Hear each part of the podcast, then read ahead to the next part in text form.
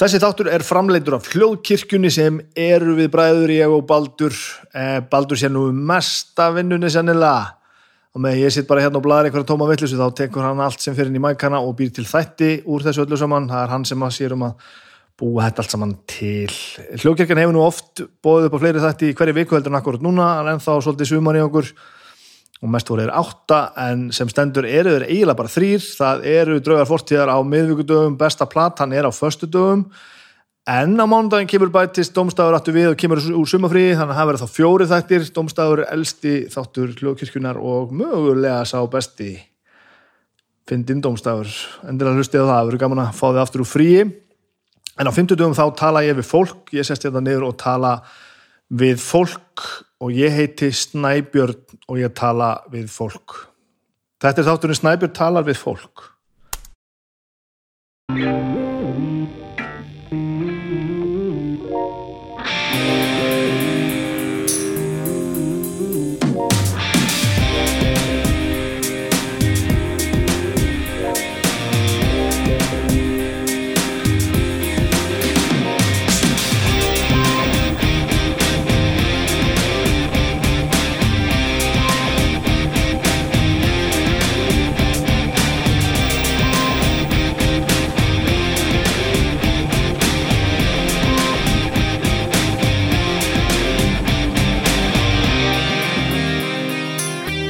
Já, komið sæl, velkomin í þáttum minn Snæbjörn tala við fólk. Það er ímislegt að frétta mest gott, ekki allt gott. Já, Anna er búin að vera einn heima hérna, Anna dóttir mín, á meðan að Björgvin og Agnes fóru norður. Það kom ekki til að góðu, við lendum loksins í einhverju svona, eða loksins, við veitum, COVID haft áhrif á okkur öll og við erum búin að fá COVID, við veit ekki hvað og hvað. En við höfum verið með börn á leikskóla aldrei sem skipulaði hefur yfirleitt verið með okkur í með, með, já, verið okkur í, okkur í hag. Og við hefum ekki þurft að breyta mjög miklu. Jú, við hefum aðeins þurft að snika til í vinnun og svona en börnun okkar hafa yfirleitt geta haldið prógrami. Eh, og nú akkurat þegar að dóttur mín er byrjuð í, í sumarskóla það er þá sem að leikskólin leikskólin lendur í vandraðum það greindir smitt á einhverju deild á, á, á leikskólum hjá Böba sem þýtti það að hann við fórum nú ekki sótkví eins og, eins og var nú kannski útleitt fyrir í smá tíma en við eh, leikskólinu lokaður í það minn staði viku. Þannig að Björgvin var ekki með neina, neitt, neitt stað til þess að vera og það var bara við afriðum það að Agnes tók þetta uh, mestmægnis á sig og fór bara með hann norður til ömmu og afa sem var glæsilegt og ég og annar er búin að vera hérna bara í góðu yfirleiti í tapa viku. Þetta er bara búin að vera elviti fint hjá okkur náttúrulega en, en þetta er náttúrulega skýtlegt að þurfa einhvern veginn nýka til í vinnunni og græði og gera, ég er ekki að segja ykkur neina fréttir því bara þið, þið vitið allt. En þetta er búin að fjandi gott svona maður og mann uh, við, hérna maður og mann með dóttur minni búin að ógeðslega gaman. Við fórum bara í gær og undanfannan dag við erum búin að fara í sund og búin að kaupa nýtt spil í spilavinum og við erum búin að fara að borða sushi saman út að borða, borða sushi. Það eru heila stundir þegar ég hún er sex ára, hún er að læra að borða fleiri og fleiri bita af, af sushi bakkanum hann er að Við fórum á Ótsúsi í gær og það var hildilega gaman að sitta við lestina og borða súsi og bara, þetta er bara ógislega gott. Þau eru komin heim, Agnes og Björgun komin heim áðan og þau eru út að hjóla með að þau býða eftir því að ég klári það sem ég er að blara hérna. Þannig að ég ætla nú að hespa þessu af og knúsa þetta fólk. Hannig ennú það. Það er nú einar, einar frekar stóra frettir úr, úr Hlaðarpslandinu. Eh, þessi þáttur er númer, ég veit ekki hvað, 66, alls ekki 66 eh, annar hlaðarstáttur sem ég hef verið með í hljóðkirkjunni sem byrjaði undan þessum og reynda byrjaði áður en að hljóðkirkjan eh, kom til það er besta platan sem ég tala nú stundum um í þessu þetti og síðasti þáttur með að besta plötinu var var, um, var besta platan nr. 100 hundraðasta vekan í röð ég og Arnar Egert og Baldur að tala um um plötur og nú er ég hættur ég nefndi þetta nú aðeins í síðasta þetti en nú er ég hættur og ef þið viljið sjá pínu útlistunum þessu öllu saman, þá skrifaði ég inn á bestaplattan umröðahópur á Facebook, smá kveðju þar þar sem ég geti svona, ég fer aðeins yfir þetta spyrsti myndir af blötunum og svona einhverja alls konar vanga veldur, ég er búin að fá ógæðislega mikið að fallegum kveðjum síðan að ég saði mig frá þessu og það er gaman að vera að gera eitthvað sem að skipti fólk máli. Þannig að, já, það er ógæðislega fallegt ógæðislega gaman, en bestaplattan hún heldur áfram bara á morgun förstu dag förstu dagurinn hvað, 20. þá þá fáið þið bara meir í bestu plötuna og þá er það haukur viðar úr dómstegi sem tekur bara við að mér. Ég, ég sitt hérna núna og er að blara, ég veit ekkert hvað er alltaf að gera og ég ætla að halda þið þannig og ég ætla að gera styggur hlustandi bestu plötunar og blanda mér í umræðina og umræðuhópnum sem er sem er bara ógeðslega gott og gaman. Takk fyrir þess að hundra þetta þetta búin að fáránlega gaman. Fáránlega gaman. Verður nú mig styrtar aðeinar maður. Pizzan, herri ég held að drauga fortíðar séu að hlaða í gjafaleik býtunum við með pizzunni. Nú ætlum ég að finna þetta hérna. Pizzan gjafaleikur þið getur tekið þátt í þessum leikum að því að farin og drauga fortíðar umræðuhópin grúpuna sem sagt ekki síðuna á Facebook. Já, bla bla bla líka við pizzuna og drauga fortíðar öllum miðlum bla bla bla. Förstu daginn 20. ágúst draugum út þrjá hefna þáttækundur sem, sem kommenta hér að neðan og segja okkur nafnið á þeim sem fá að njóta pizzunar með þeim. Þriði vinningurinn er 5 stóra pizzur frá pizzunni, annar vinningur er 5 stórar pizzur frá pizzunni og ljóðum þig frá flosa samið í rauntíma og flutt í draugum fortíðar og aðar vinningurinn, stóri vinningurinn eru 10 stórar pizzur frá pizzunni og val á efni fyrir auka þátt hjá draugum fortíðar. Þannig að ef þið vil ég eiga að kosta því að heyra flosa uh, raukraða við baldur um eitthvað mál sem að þið ykkur er hugleikið eða bara eitthvað sem þið viljið vita meir um þá skulið þið fara og skrá okkur hérna fyrir neðan hjá Draugum Fortíðar umræðahópnum ég ætla að deila þessum posti á snæputala við fólk síðuna, þið getur fundið þetta þar ef þetta vefst fyrir ykkur. Og svo bara vil ég minningur á það þið getur farið inn á á pizzan.is og pantaði ykkur þar pizzur á matseli. Og ef þið notið kóðan hljóðkirkjan hljóðkirkjan þá fáið þið 40% afslátt af öllu saman sem þið veslið þar þannig að það er nú ekki ónýtt. Það er nú ekki ónýtt. Allt á blúsandi siglingu hér. Herðu, það eru fleiri styrstaræðara Simin Pay, talandum pizzur. Pizzaopnar Simin Pay appið þetta, þetta verður bara betra sko. Nú getið þið farið inn á sér flipa í, í, í í Simin Pay appinu og þar er þetta að kaupa pizza nú getur þú gert alvöru veitingastaða pizzu á pallinum. Allt í pizzagerðina hjá pizzaopnar.is já ok, það er sérst að vinna með pizzaopnar.is djúvillir það glæsilegt og það er hægt að skoða úrvalið í Simin Pay appinu, það er að ganga frá kaupunum þar og dreifa greiðslunum og alls konar og alls konar og alls konar, það er hægt að kaupa pizzaopn og það er hægt að kaupa allt eh, alla aukaluti og hitt og þetta. Ég er nú að skoða þetta á netinu, ég var ekki búin að opna þetta í appinu, ég ætla að gera það núna byttu nú við þegar var ég að leggja ekki bílastæði ég er hvað er þetta? þetta er þetta? Já. Þetta er þetta? Farið inn á torgið í appinu og finnið pizzaofnar og hér er hægt að kaupa spaða og annan spaða og annan spaða og fleiri spaða. Rosalega margir pizzaspar, hérna er þetta að kaupa eitt sem er mjög langa gríðar í, það er infraröður hitamælir með svona, svona hitabissa, þetta er mér oft langar til þess að vera með því ég er að, að, hérna, er að grilla bara, það er gott það er að kaupa svundu rosalega marga spaða. Og svo er það náttúrulega stóra málið, það er að kaupa þennan pizza op hérna. 69 og 9 geta deilt, já, dreyðu svo pay lettköp lettköpin hjá Simonum Pay og borgaði 12.881 á mánuði í 6 mánuði. Pizza opna á svaliðar hvernig væri það? hvernig væri það? það var ekki aðvegt það er að ganga frá mér þetta app. Mér langar í allt sem er í þetta. Þannig er það og ég er búin að panta mikið hérna af af, af, af mat í gegnum Simon Pay appið. Ég mæli með þessu heilsugar fyrir utan það að leggja bílnum og ég veit ekki hvað, hvað. Búin að vera mjög lengi, þetta er glæsilegt og, og nú hugsa ég bara um pizzu pizzan og Simin Pay þetta er allt saman eins og það var. Ég var enda við að taka þetta viðtal sem að þið eru að fara að heyra um, hérna þetta ég er svolítið upp í loftu þetta eftir þetta. Þetta er bara eitt uppáhalsviðtalið minn sem ég tekið. Hún var bara hún var bara hún var ekki eðlilega skemmtileg og bara komið hérna til þess að, að spjalla við mig einhvern veginn og bara til þið heyrið þetta náttúrulega bara eftir. Þetta er, þetta er frábært og, og hérna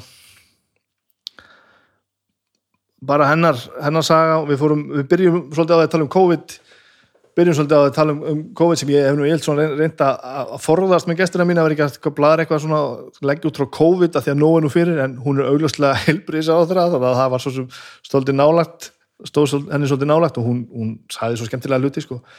Svo tölum við um hana og, og, og æfi hennar og svo tölum við svolítið mikið um pappennar Svafa Gesson sem var alltaf þingmaður og ráðherra og sendiherra og við fyrum að ónýta allt saman. Ótrúlegu maður sem dó í janúar á, á þessu ári.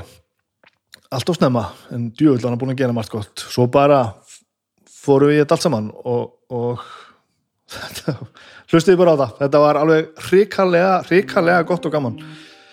Eh, þetta er bara hérna rétt á hann ég og Svandís Svavastóttir við Eldursporið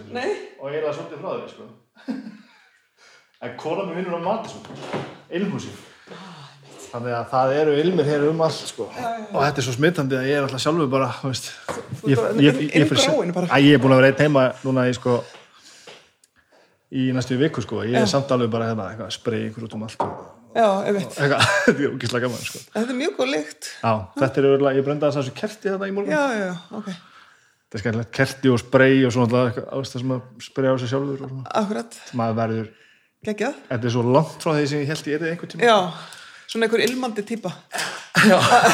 Basically, já. en svo bara, þú veist, allt sem er svona gesta þessi svona ástriðu, sko, þetta er svo gaman sko. Já, það verður allt svo skemmtilegt. Það er nefnilega allt sem maður gerir vel er skemmtilegt. Svo bara fyrir að vinna, svona high-end, þú veist, þetta er svona alvöru stöð, sko. Emitt, svo fyrir maður hún er sko snirtu förnafrækvar hún vinnur sem sagt við að snirta á farða, sko. Já, en í búinu sem þú verður að selja þetta allt saman. -hmm. og ég var bara, fannst þetta fyrst svona eitthvað. Já, svo fattaði ég að maður liði bara upp á dagar og maður að kíkja yfir aukslinni á henni og akkurat. Hvað krem er þetta, Emitt, og ég er bara orðið þessi, sko, ég vakna bara á mótnana og bara einhverja rútínu og, já, já, og ef ég gleyma að setja mig ilmin ég fyrir út þá, bara, Já. þá smá vantar við, sko. Já, nákvæmlega. hvernig er það, stundarskafan einhvern dag? Já, þessi ilmur er góð, allt þetta sko. herru, við erum bara að byrja þetta Við erum byrjuð, ég er bara að setja í gang, þú mátt gera þetta eins og vilt og þú mátt vera eins nálægt eins og þú bara. Eiginlega bara ennþá nær Er það jafnvel betra að já, vera það er það best eiginlega að vera bara sko, alveg svona sko. Já, ok. og já, það ágætt ég segja við því að það er búið að hreinsa hérna allt saman alveg Já. takku fyrir ykkur, einasta skil Algjörlega, gott ég ætla að hérna, mér langar að gera eitt með þér sem ég reyni eiginlega að forðast við flesta sko. Já, það er að tala þessu COVID sko. ok því ég reynir svona, þú mátt samt endilega hafa hérna fyrir, fyrir fram Hérna, já. svona Ok, mm -hmm. alveg ósmeg þetta kemur alltaf upp sko og maður talaði fólk um þetta að sjálfsögðu en, en hérna, maður reynir kannski frekar að stýra frá því oft, þetta er bara svona annars fer þetta bara út í það sko. Akkurat. En ég fór að pæli, ég vissum að vissi að við ætlum að tala saman. Þú veist, hvernig er þetta búið að vera bara fyrir þig? E ef þú fer bara frá, þú veist frá því að þú heyrðir þér fyrst, nú er kannski meira að tala um professional heldur en, en kannski hitt líka sko. Já, já, já, sko þetta er í raun og veru, ég held nefnilega að það verði einhvern tíma mjög spennandi að taka þessa sögu sem er raun og veru bara svona svolítið sagan af fólkinu sem að var þarna. Já, nákvæmlega. Uh, vegna þess að það byrjaði með því að við Þórólfur hittumst þá var hann minn fulltrúi í starfshópi um flugelda. Ok, af því að það þurfi, sko, þú veist, árið á undan þá hafði verið óbáslega miklar stillur. Já, já, já, já. og þá hafði verið svo mikil mengun að það var ákveðið að setja í ganga eitthvað starfshóp til þess að segja, býtu, viljum við fara eitthvað að draga úr flugeldum og gera eitthvað með þetta og svona Dómsmannar á þeirra var með eitthvað uh, fulltrúa í hópnum umhverfisá þeirra út á loftgæðum og ég út af uh, mögulegum áhrifum að undunafæri og eitthvað. Og ég hugsa bara, já, fínt að hafa sótanarlækni þessu.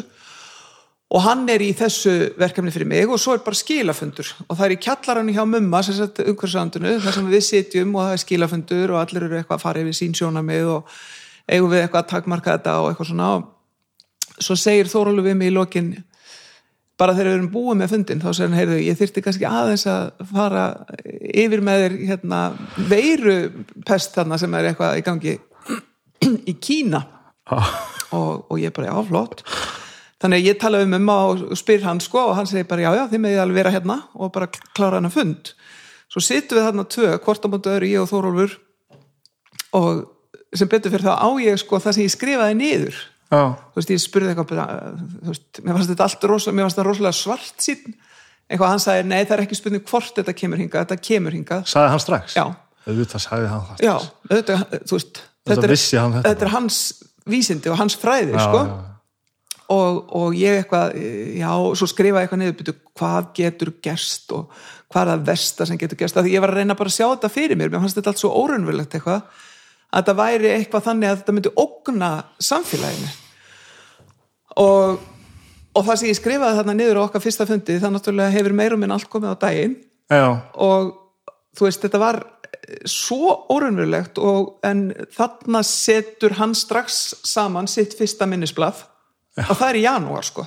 Við fáum fyrsta smiti hérna í lok februar já, og í janúar segir hann það þarf að styrkja varnirnar á landsbytala það þarf að bæta við þessu og þessu og þessu þurfum, og, og allt saman bara og þannig ég fer með eitthvað minnisblæði ríkistjórn og segja já, ég þarf bara að láta ykkur vita hérna út af þessu veiru þannig í útlöndum og við þurfum að styrkja hérna spítalan til þess að geti, sko við getum aðgreint þá sem er að koma inn á götunni á bráðamótöku og þá sem eru mögulega með COVID sem að þá hétt koronuveiran eða eitthvað svona. Já, við byrjum ekki að tala um COVID fyrir eitthvað setna og þannig að þegar maður reykur sér tilbaka þá erum við búin að vera með alls konar viðbröð alls konar fundi og alls konar dót áður en að fyrsta smiti kemur til Íslands.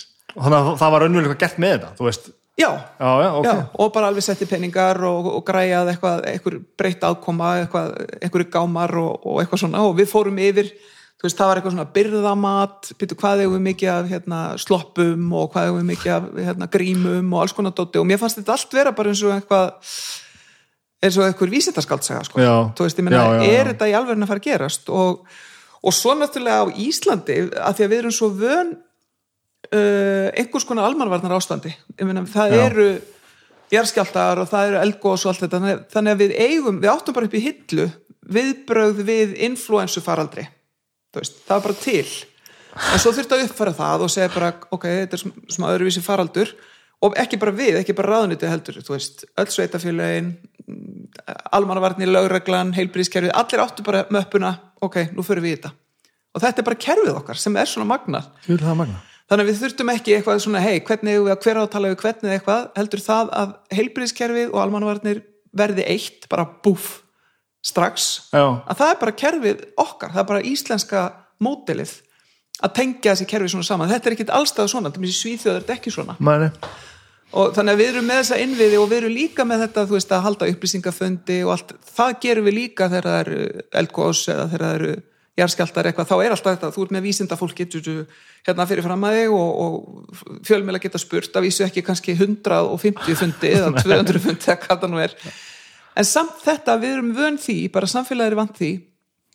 sérfræðingarnir okkar eru klárir þeir kunna á verkefnin.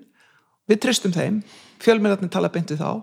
Já, og þannig að við erum bara, þú veist, þetta er bara svolítið mótelið okkar, þetta er svona íslenska mótelið það er, þetta er bara þú segir þetta, magnað sko. Já, þetta er svolítið merkilegt og, og þetta er held ég sko hluti af því hvað okkur hefur tekist að vera svona samstíga í gegnum þetta. Á Íslandi þá er þetta ekki verið eins mikið svona pólitíst átakamál eins og í sumum löndum þar sem að, maður sér bara heilbriðsáþurann að segja af sér bara hérna í löngum bunum og, og stjórnaranstöðun alveg brjálega út af auðvitað eru, eru sko, er ágreiningur um alls konar hluti En fyrst og fremst höfum við verið sammála og ég held að það sé vegna þess að framlínan er svo solid og við leggjum svo mikið upp úr því að það sé sko eh, öllu svara bara eins og er.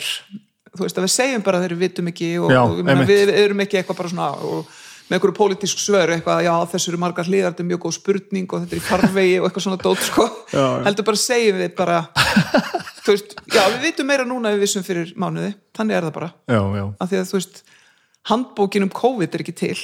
Nei, svo heldum við að við varum komin með ok, þetta er eitthvað sem við kunnum, þá kom delta. Þú veist og svo kannski kemur bara gamma eða eitthvað annað. þannig að þetta verður svona áfram og þetta er rosalegt langklaup og opbáslega mikið svona þú veist, allir orðin hundlegir á þessu en einhvern veginn þá þurfum við bara að e, ég veit að það er svolítið lummulegt að tala um aðruleysi eða bara eitthvað svona já, hvað ég segja, bara úthald bara svona eins og, eins og svolítið eins og var í gamla daga þegar fólk bjó bara við raunverulega erfiðleika til langs tíma en var samt að gleðjast og eignast börn og, og, verða ástfanginn og allt sem að fólk gerir bara í lífinu þrátt fyrir erfiðleika sko. Það er svolítið það sem að við við hérna þurfum að, að hugsa og auðvitað erum við á Íslandi alltaf þegar öll er á botnum kvöld með einstaklega góðar aðstæður, upplýst samfélag uh, tiltölulega uh, mikla velsæld mm -hmm. uh, heilbyrðiskerfi sem að er að uh, í raun og veru að standa sig ótrúlega vel já, gott samstarf við, hérna, engaðilega eins og íslenska erðagreiningu um þessa vísinda hlið, raðgreininguna og allt þetta dót. Þannig að, og svo er það náttúrulega það sem að er blasir við að við erum eiga. Er náttúrulega einfaldar allt, getur ímyndað er að vera í Luxemburg eða eitthvað þar sem að kannski Já. helmingurinn bara keirir bara inn í annað land, sko, í vinnuna á hverjum degi. Við ætlum að kvarta með reyri hverjum lengi að fá pakkan okkar frá Amazon. Já, akkurat. sem er þó ótrúlega við. en þú veist þarna upp fyrst þarna mm -hmm. trú, trúði fólki að sem var að vinna að þessu veist, trúðu þessu, að ég fekk fucking COVID í, í mars sko. Ég, við tókum þetta bara mjög snemma. Já, og ég held þetta hafi í mars. Allavega það snemma að okkur datt ekkert í hug. Við vorum bara veik sko. Einmitt. og svo vorum bara hundveik og við vorum eitthvað undarlega lasin. Já, og allt í hennu er þetta kannski þarna þessi, þessi, Já. þessi, þessi veira og við vorum samt eitthvað bara svona "Ah, það er ekki eitthvað skytið sko. svo jú, fór maður eitthvað að heyra að einhverju hefur vext í kringum sig eitthvað svona einmitt. og svo fórum við bara í blóðpröfu bara mörgum mánuðu setna og bóðið upp á það Já, svo, bara mótefnapróf. já, því Já. við hringdum inn sko, Já. og við vorum svo snemma í þegar við hringdum inn og bara nei, nei, verið bara heima, við viljum ekki sjá ykkur sko. Nei, nei, nei, og svo eitthvað breytust fréttir eitthvað, við hringdum aftur bara, ó, endilega komið Já. En bara, hvernig veiktust þið það eru þrjá vikur síðan Já, eitthvað, bara, það er óseint, verið bara heima og bara, Já. ok sem var bara skiljalegt, við erum hann í byrjun bara, Þannig að þið fóru engin bara á eigin vegum í mótefnapróf, miklu já, setna eða við gerðum það bara, fórum bara og letum draga blóð bara og, og, Ok, og já. hérna enga gerin skilaði nú bara úr því bara á svona hálftíma eða eitthvað. Einmitt, einmitt, einmitt, kamli góði enga Já, gerin bara mjög þægilegt sko, bara borgaðis meira og fá þetta hratt sko. Já, já, akkurat.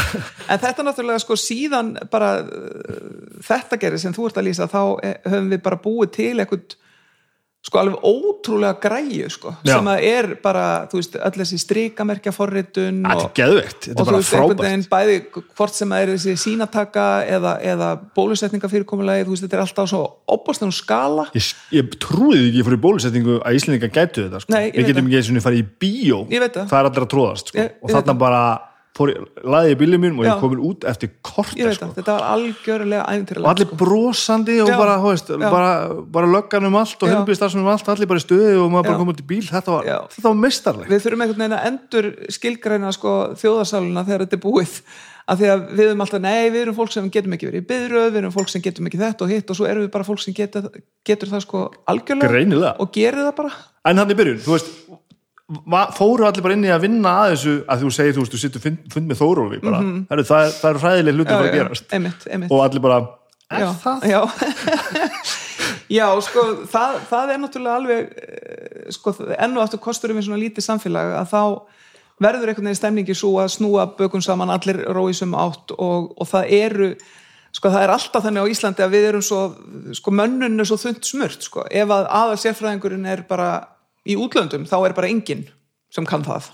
Veist, þetta, við erum alltaf svolítið þarna sko, það er bara eitthvað eitt sem kann hvert. Og, og þannig að við erum ekki með eitthvað bara svona eitthvað svakalegt teimi við erum ekki með sóttvarna stopnun til dæmis, við erum einhvern veginn þórólur er þarna svo er, jú, Kamila er þarna. Þú veist, maður er svolítið einhvern veginn Já. landlæknir Alma þarna og veist, þannig að maður finnur það svolítið. Það treyst á einstaklingana svolítið mikið. Við erum svolítið mikið í því og líka, þú veist, það er alltaf ofsalega stuttar alltaf boðleiðir, við erum einhvern veginn með all, sko, hvert annað í símanum, þú veist, við þóralurum alltaf að tala saman, þú veist, þetta er ekkit eitthvað ráðherra fær hérna einhver, einhver skilaboð frá stopnuninni og það kemur einhvern veginn inn í ráðuneytið og svo fara margir að bera ráðherran þetta, þetta er einstaklingar tala saman með þeim kostum og göllum sem það hefur Já, veist, það, það er náttúrulega gerir það að verkum við erum ofsalega fljóta að breyðast við. Samfélagið er mjög fljótt að reyfa sig. Við reyfum okkur miklu hraðar heldur en stór ríki eins og bara þú veist, Þískaland eða Frakland sem að þú veist, öll kerfin eru miklu miklu þingri í vöfum. Þannig að við vitum það líka að ef allir bara segja, hei krakka, nú ætlum við bara að gera þetta og ætlum öll að leggjast á árar að þá gerum við hluti og, og þú veist, þarna erum við að tala um til dæmis engaðilega frumkvöla alls konar fólk út í bæ sem að segja, "Heyrðu, ég get hjálpa til við forritun, ég get hjálpa til við að búa til appi, ég get, þú veist, rakningarappi. Það er bara svoleiðis, það er bara frumkvöla vinna Já, fólk er bara, já ok, kontu verður með og bara fólk fyrir beint að borðinu og svo bara byrjað að gera. Og svo erum við þetta með þessa innviði sem er heilsugæslan sem að er náttúrulega fáránlega velmönnuð eins og við höfum margótt séð. Og, og við erum að sjá hana taka að sér þessa stóru, þessi stóru forritunarverkefni e, búa til allt þetta þú veist að við bara fáum hérna skilaboð um það að við um að mæti bólusetningu það er bara bling og þú færið strikamerkið og svo um leiðubúðir að sprauta því þá kemur annað bling, þú hefur verið bólusettur með þetta, eitthvað ég trúði sér ekki sko. Nei, þetta er eitthvað bara, ha, býtu, hvernig Ég veit alveg að þetta er hægt sko. Já. Ef ég var í útlöndum þá hefði ég bara trúið þessu mjög Já, sko. já. Og ég er ekki efast um getuna sko, kunnáttuna Einmitt. En að láta þetta funka að láta þetta fungara og láta þetta gerast og, og að við værum með sko ferla þar sem allir voru búin að hugsa sko, við, við þurfum að hafa þannig að þú stendur þetta dittnar hér þetta taki mestilega 20 sekundur þetta 40 sekundur, Já, já, þetta já. da, da, da, og öll þessi hugsun á öllum innstönsum eða líður yfir eitthvað þá hleypur þessi til eða þetta gerist þá kemur þessi og þetta er bara, maður fær bara gæsa úr eiginlega Já, yfir því að, að við skulum gera þetta. Og þetta er ótrúlega góð tilfinning að vera partur af svona samfélagi sko. mér finnst það, það alveg, alveg magnað. Djúvel er við skemmtileg. Já, við En með þetta sem að ég, Þetta með hérna, trúðu við þessu Þú veist, Einmitt. hvernig fór fólk inn í þetta? Sko, það er náttúrulega þannig að þegar þú ert með uh, sko, þessa fórustu fyrir heilbrískerfinu og, og hérna sótarnalækni sem að hefur sko, verið vakin og sofin yfir mögulegum faraldrum í áratugi og svo kemur hann svo kemur faraldurinn og hann með sína þekkingu miðlar henni til annara við erum með smittsjúdómadeildir á landsbítala og smittsjúdómalækna þar. Allir vita hvað faraldur þýðir sem að hefur þe þennan útbreyslur hraða veist, og allir vita hvað faraldur þýðir þar sem að við höfum enga ekkert bóluefni og, og þannig að við vitum sko að verkfæri sem að ég held að væri bara í sögubókum að maður bara lesum hérna, spönskuveikin eða eitthvað að tala allt inn um sóttkví og, og einangrun og eitthvað svona dóta þetta væri bara eitthvað 1918 dæmi. Allt í einu þá bara tekur þetta fólk þessi verkfæri upp á borðu og segir þetta er það sem við þurfum að gera. Ég fer ég að skoða hérna sóttvarnalögin. Já, og ég bara, ó, ok ráð þeirra getur að uh, fenginni uh, ráðgjöf sóttvarnalæknis uh, beitt eftir töldum aðgerðum lokunum, já sóttkví.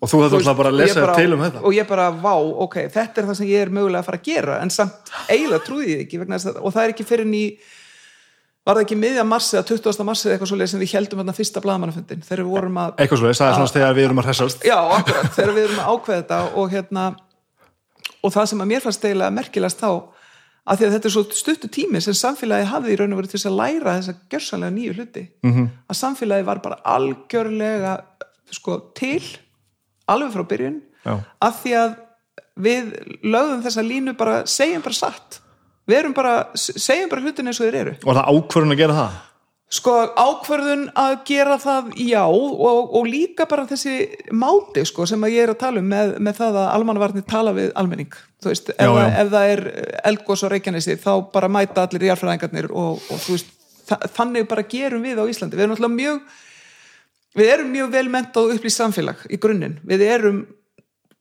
tölum mikið saman og, og, og spyrjum spurninga og það er ekki kjörlendi á Íslandi fyrir samsæðiskenningar við erum ekki mjög góð í því að því við kannski bara því við vitum betur og það er bara opnara, opnari samskipti við spyrjum og sörum og, og svona. Þannig að þannig að í grunninn já, þá, þá var þetta í raun og veru þegar maður hárið tilbaka ótrúlega stuttur tími sem að samfélagi hafði til að aðlagast algjörlega óhugsandi aðstæðum. -hmm. bara við höfum, sko, okkur hefur aldrei dottið til hug, við erum bara eitthvað nú áriði liði aldan og skaut, sko, fyrir örfáum vikum þegar við erum allt í einu bara komið með eitthvað samkomu takmarkanir þú veist, sem að, sem að er náttúrulega líka svolítið svakalegt að beita í líðræði samfélagi að segja bara Já. þið megið ekki hittast og þið megið ekki vera saman og þið megið ekki og, og, og svo kom í kjölfarið þetta með gamla fólkið að það var allt í einu lokað inni á, á hjúkunarheimilin og, og hérna heimsóknarbönn á spítalana og allt þetta sko sem er náttúrulega líka bara rífur í þú veist, fólk er bara getur allt í einu ekki hitt gamla ættingja og allt þetta sko, þannig að þetta hafði alveg rosalega mikil áhrif strax í byrjun bara á það hvernig okkur leið. En samfélagið var samstiga og við vissum og trúðum að þetta veri leiðin og, og við sáum það líka. Við sáum að, að það sem að var sagt virkað, það virkaði.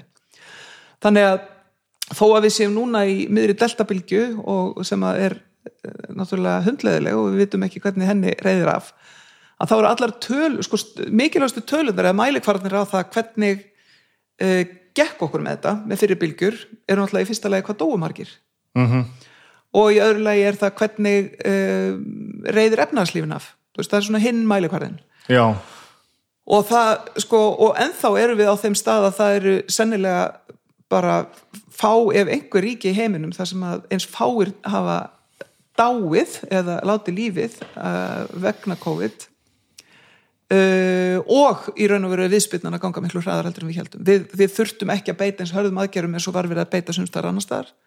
Við náttúrulega höfum ekki heimildi til dæmis til þess að fara í útgangubann það er eitthvað sem við höfum ekki í íslensku lögum. Ég sko mætti það ekki einu sinni þó já ég er vildi það. alvöru?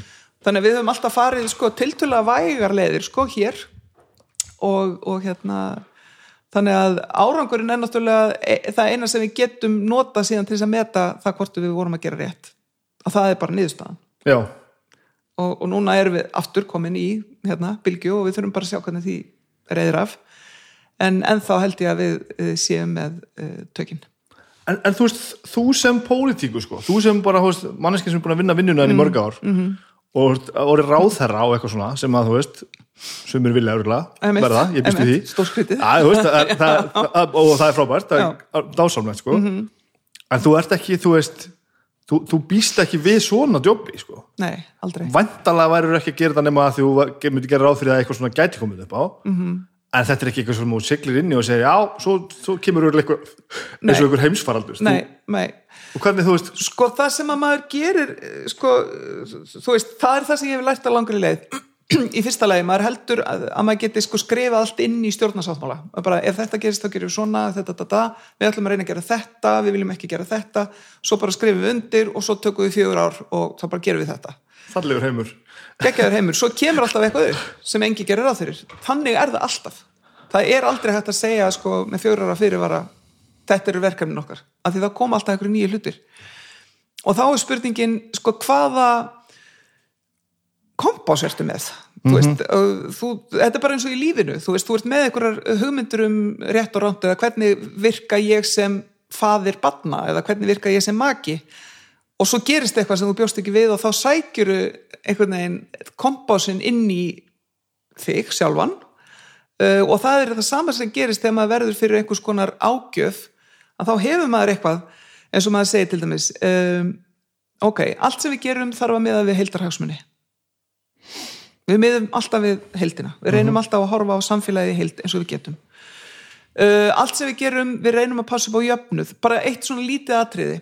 Jöfnuður, um, óháð efnahag. Ok, það kostar ekki að fara í bólusetningu. Það kostar ekki, ekki það sem kostar. Það kostar ekki að fara í engina skimun við viljum passa það, það þurfi enginn að segja heyrðu ég brá ekki fyrir þessu. Uh, jöfnuður óháð búsetu.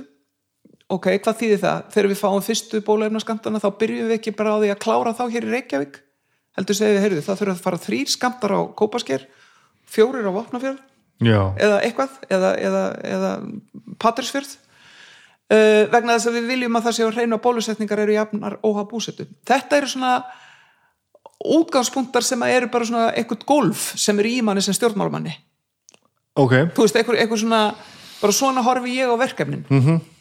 uh, við ákveðum náttúrulega fljótt og við gerum það bara sem, sem ríkistjórn að við segjum líf og hilsa er alltaf nummer eitt. Og, og aðrir, aðra áherslu koma síðan á eftir.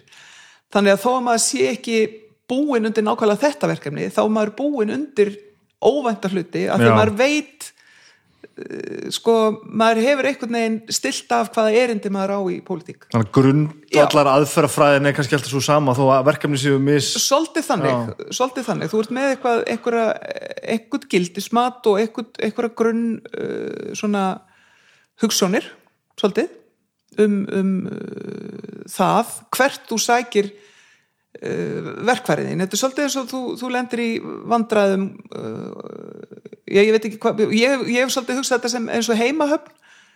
Þú veist, í heimahöfninni minni eru félagslegt réttlæti uh, kvenfrelsi friður og grænpólitík þetta er heimahöfnin mín. Svo fer ég eitthvað út og þá er ég bara ó, þetta var ég nú ekki búin að gera ráð fyrir að kemi þannig að ég fer tilbaka og hugsa býtu hvernig get ég notað dótið sem ég á í heimahöfninni til þess að græja þetta verkefni sem ég sá ekki fyrir. Já, já, já, já, já. þú veist, vegna þess að ef ég gerir það ekki að þá er ég farin bara að bregðast við án þess að það sé heildar hugsun í gangi. Þá er ég bara farin að hoppa á milli og slökku elda sem að þarf þetta stundum að gera. Þú veist, það kemur stundum upp eitthvað bara, þú veist, ástand og þá þarf bara að bjarga fólki. Það þarf bara, bara að hlaupa og bjarga Já, fólki. bara moka skurðinn bara bara. skurðin bara núna. En það er ótrúlega mikilvægt að hafa einhverja svona hugmyndir um það. Veitu, hvað, akkur er ég að þessu en ekki einhver annar? -hmm. og fyrir hvað þú veist, þegar fólk segir bara já, ég ætla að kjósa þennan, flokka eða ég ætla að, jú, ég treysti þessari konu. Þú veist, ég er ekki bara einhver, einhver típa sem að hefur einhver, einhver flókin verkefni í vinnunni. Nei, nei, nei. Skilur, ég er líka bara með eitthvað umboð sem er alveg sko stórmerkilegt í raun og veru að það er bara einhverjir einhverja þúsundur af fólki sem að segja bara þetta vil ég. Og hvað þýðir það? Og Já. hva, hva, hvað er það sem þú vilt og ég þarf einhvern veginn að reyna að muna það að halda á því kepli alla leið að það er þetta sem að mínir kjósundu vildu það er sem þingmaður en svo þegar ég er ráð þeirra þá er þetta sem meiri hluti þingsins vill Já, já. og þegar ég er komin í faraldur þá þarf ég að líka fara út úr því og hugsa hvað er það sem samfélagið Það er svolítið þetta sem ég var, var, var, var, að fisk eftir með, með þessu spjalli sko. Veist, hva- hvað, að þú lítur að komin í aðstæðu sem ert gerir ekkert ráð fyrir sko. einmitt og Já, er veginn farin að, að og e, pínlítið ástæð fyrir ég að tala um þetta er það ég er almennt ekki stjórnmálulega þengjandi sko, og hef aldrei verið sko, bara sem ungum maður og unglingur svolítið bara upp á kant svona, bara, einmitt. bara fuck the system allarlega Já, já. sko. svo breytist það nú svona aðeins þegar maður fyrir að hugsa aðeins og, og eldist aðeins en sko ef eitthvað er hefur þetta sem er að gerast núna gefið mér einhver, eitthvað svona auki tröst á pólitík sko einmitt af því að ég fór allt einu lausnir í höfuð og mér fór að horfa yfir hópin sem er búin að vera að díla við þetta sko, alveg úr öllum flokkum og úr öllum hópum og allt saman. Já, já, þetta er allt sama fólkið. Og það er búin að standa í, í þessu í allan þann tíma öxl í öxl og, og þú veist, það fór ekki neitt. Nei, Nei. bara meiri afsaka íslenskura aumingjar hefðu Mm. bara, bara pakkað saman, ég var ekki í þessu sko. Einmitt. Þetta er ekki ástæðan fyrir ég hér, ég ætlaði bara að græða penni pening og fara, Já, en hann stand, standiði bara ennþá í akkurat. Og mér finnst þetta mjög impressiv og ég, svona, ég fekk bara svona pínu uppljómun með það bara ok, einmitt. Þetta er ástæðan fyrir fólk fyrir pólitík. Það er í alvörunni að gera það sem þarf að gera. Mm. mér finnst mjög gaman að heyra þetta. Af því að það, þetta er svona það sem að mæin í manni segir sko þegar maður heldur áfram, þú veist, maður fyrir á fætur aftur og horfir aftur í speil að kvöldi og hugsa bara já, ég gerði eins vel og ég gat. Mhm. -hmm. og að maður hefur þessar skildur gagvar samfélaginu öllu. Þú veist, ef, ef þú ert með eitthvað svona kerfi eins og heilbríðiskerfið maður getur alveg farið í það að, segja bara já, ég ætla nú bara að uh, sko, sinna þessu kerfi í þáu þeirra hugssjóna sem ég hef sem stjórnmálamæður -hmm. eða maður getur farið hinn áttina að því og sagt heilbríðiskerfið er partur af grunnsáttmálanum um gott samfélag og það á að vera stöðugt og örugt óháð því hver, hvaða ríkistjórn er í gangi Mhm. Þú veist, það á ekki að vera einhvern veginn að sveiflast fram og tilbaka heldur á það að vera sko, það á bara að vera þarna. Já, það á bara að vera í lægi og það á að vera þannig að, það, að við getum treysti og gengið að því sem vísu. Þannig að þetta er svona þetta er svolítið þessi hvernig maður fetar sig í gegnum þetta sko, þessi hugsun. Þingmaður sem að er með fylgi míns flokks ráðherran sem að hefur fylgi meiri hluta þingsins en ráðherran í COVID sem að verður bara að standa sig gagvað samfélaginu öllu. Þetta er mjög magnað. Já, þetta er svona eitthvað, eitthvað svona stig og þú, veist, og þú að bara, verður bara staðfastari í þinni, þinni vissu bara með það að halda áfram í gerur þetta bara? Já, já. Og þetta er líka bara sko þegar maður fær í fangið svona stort verkefni þá, þá verður maður á einhvern hátt sko líka sína verkefninu þá auðmýgt sko að, að það, það er, þetta verkefni er svo tröllaukið sko, það er svo óbúslega stort að, að við erum við hljótum að þurfa að horfast í augvið það að hafa gert uh, mistök, tekið rángar ákvarðanir uh, en við þurfum líka að geta hort í augun á okkur í lókdags og sagt ég gerði eins vel og ég gat Mhm. -hmm. og að ég kallaði eftir upplýsingum eins víða og ég gat til þess að, að hérna, við, við færum að minnskust ekki svo mikið af leið að við værum ekki snögga að hérna, snúa okkur aftur inn á hana sko. upplifið mikið, þú veist, upplifir svona ósangjarna pressu farið, að að því að nú séum allir með fólk eru þreytt sko, og mannkynni, við ráðum ekki við það og þetta er bara komið nóg og við Mhm. Einmitt, nennum bara, nei, bara rífum okkur Já, og fuck it sko. já, já, en, en sko það sem ég er að reyna að við og vonandi sem flestir er sko, það er engin góð útkoma maður sé stundu fólk sem er, þú veist, að bara þetta þarf að vera svona til þess að við getum gert þetta og þá, þú veist, einmitt, það er fokking heimsfaraldur sko. það er, þetta endar aldrei í glimmeri og, og Mhm. Jólum alla daga sko. Nei. það er ekki þannig að þetta endi vel Nei, en við þurfum að láta þetta enda eins vel og hægt sko. já, það er svolítið það og maður sé svolítið umræðana í, í, í ykkar garð sko, sem eru að Mhm. stjórna og taka ákvarðinni bara að, að þeir eru bara málið sem vonda fólki af því að það er ekki allt orðið super gott já, já Já, já, og þetta er, þetta sko, að það er, e, það er miklu einfaldara ef maður er frústreraður, reyður, ósáttur eða eitthvað slíkt, að finna eitthvað andlit til þess að beina þeirri reyði að. Heldur Já, þú meinar. Já, það er alltaf bara svona, heyru, það er þessi þarna sem klikkaði, ég ætla bara að vera, þú veist, þetta er eins og þegar að liðið þitt tapar í einhverjum, einhverjum íþróttakeppni og þú segir, veist, þjálfarinn klikkaði. Reyka þjálfanum reka þjálfarinn eða þú veist ö- ömurlegur þessi eða hinn eða, eða dómarinn sko í vestafalli ef þú veist ekki, ef þið fyrst liðið þetta að þið sko. Og, og þannig að ég eh, skil það vel eftir að hafa verið í pólitíki þessu ár að þú veist að það er bara partur af því að vera í þessu að, að, já, að maður bara setur undir sig hausinn og reynir svona að þurrka af sér það mesta sko, bara að halda áfram. Og, og það er svona líka bara gallin við þetta svona samfélagsmiðla umhverfi að það, er- þetta er svo mikill hraði, þú veist, þú, ert alltaf inn komið eldúsborðin, öll eldúsborðin á Íslandi eru alltaf inn komin á netið. Saumaklubandur eru Já, komin þetta er bara allt komið á netið og segir þetta er nú meira helviti svípli, hún gerur nú aldrei neitt að viti og hún ætti nú bara að pakka saman og fara heim til sín og já, eitthvað svona. já, já. og ég, ég held að ég hefði tekið þessu öðruvísi fyrir 20 árum eða 30 árum, þá hefði ég verið miklu svona meira miður mín yfir því heldur en ég er núna og ég sko fer ekki, ég les ekki kommentakerfin. Gerur það ekki? nei, nei, ég, ég bara sko þetta, maður verður bara að hugsa í hvað, í hvað á ég að nota orkunum mína? Já. Auðvitað verður maður að sko taka þátt í pólitísku umræðu og, og heyra hvað fólk er að segja og hafa tilfinningu fyrir því. Fólk er ótrúlega duglegt bara að skrifa mér bara tölvupósta, þú veist, alls konar fólk og segja bara, heyru, ég hef ágjörð þessu og hvað getur þetta verið? Og þetta er aftur litla samfélagi, sko, eða messenger kemur einhver og segir, heyrðu, skrítið hann í Keflavík ég kom hann að, mér varstu löngu röðin þarna og þú veist, og, væri, og, og, og þá er bara fólk að virkilega leggja sitta mörgum til að leysa mál. Já, og ég bara segi, heyrðu, þú veist þetta kannski ekki að því þú ert ekki þarna, en, en ég sá þetta og ég held að þú myndi gera þetta svona, þá myndi þetta virka betur. Þannig að það er, það er alveg frábært sko hvað fólk er er, er nálagt í að, að hérna að vilja taka þátt í, í þessum pælingum öllum. En ef að maður væri alltaf að lesa eh, alla sem að telja að ég sé náttúrulega mesta idiot sem hafi nokkuð tíðan stíð hérna fæti á þetta land að tekið þátt í þessu samfélagi þá myndi ég náttúrulega bara ekkit fara að fætur sko. Nei, það er þannig. Já, Þú myndir, Nei, ég menna, þú veist, það, það er ekki, það er ekkit uh, sko ég menna, það er bara ekkit um það að segja veist, þessi, þetta samtal er hvergi. Þú veist, ég get ekki farið að segja, svara bara einhverjum þræði, bara nei, ég er Nei, sko. reyndar reyndar er ég nú bara alveg ágætt, sko. Ég menna, ég er svona og svona og þú veist, það er bara ekki vel farið með tíman eða orkuna að fara í það. En ef leiðum að taka þátt í einhverju málefnarlega og einhverju efnislegri umræði þá er ég algjörlega til í það. Já, já. eins og bara með forgánsöðun og ákvarðanir og þú veist, ákvarð þetta gert á svona en ekki hins mér finnst það bara eitthvað sem maður vill tala um en ég er ekki til í að tala um eða sko reyna að rökraða það að einhverjum finnist ég vera fíbl, ég menna það náttúrulega er eitthvað sem að er auðvitað bara einhver skoðun þú veist, það er ekki bara nei, býtu sko. aðeins fara betur yfir þetta hérna þetta er ekki alveg rétt hjá þér áður fyrir að tala um eitthvað, eitthvað annað þá er eitt sem að ég hef verið að pæla sem þú getur mögulega sagt mér aðeins um sko. mm. -hmm. að því að eitt, eitt af hef, ég kannski verið svolítið þreyttur á í sambandi við pólitík í gegnum tíðina að maður líður svona eins og að gerist aldrei neitt. Mhm. mm -hmm. að því að það virkar allt svo hægt og það er einhvern veginn aldrei hægt að það þurfum einhvern veginn allir að vera sammála þetta, þessi þarf að samþykja þetta og einhvern veginn bara, bara svo vanur í að veröldin virki svo hægt, sko. það er ekki hægt að gera þetta. Þetta er svo tekur tíma og það þarf að gera þetta eitthvað. En svo kemur COVID, sko. Og allt í henni sér maður bara, þú veist kjafta það er víst hægt að gera hlutina rætt -hmm.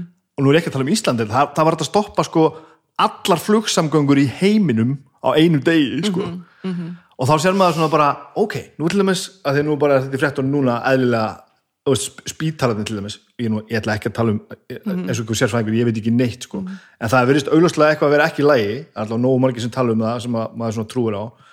Af hverju er því þá ekki bara að fara með sömu aðfræðsfræði og bara laga hlutina? Ég veit þetta er pínu barnaleg spurning. Nei, hún er bara rosalega góð.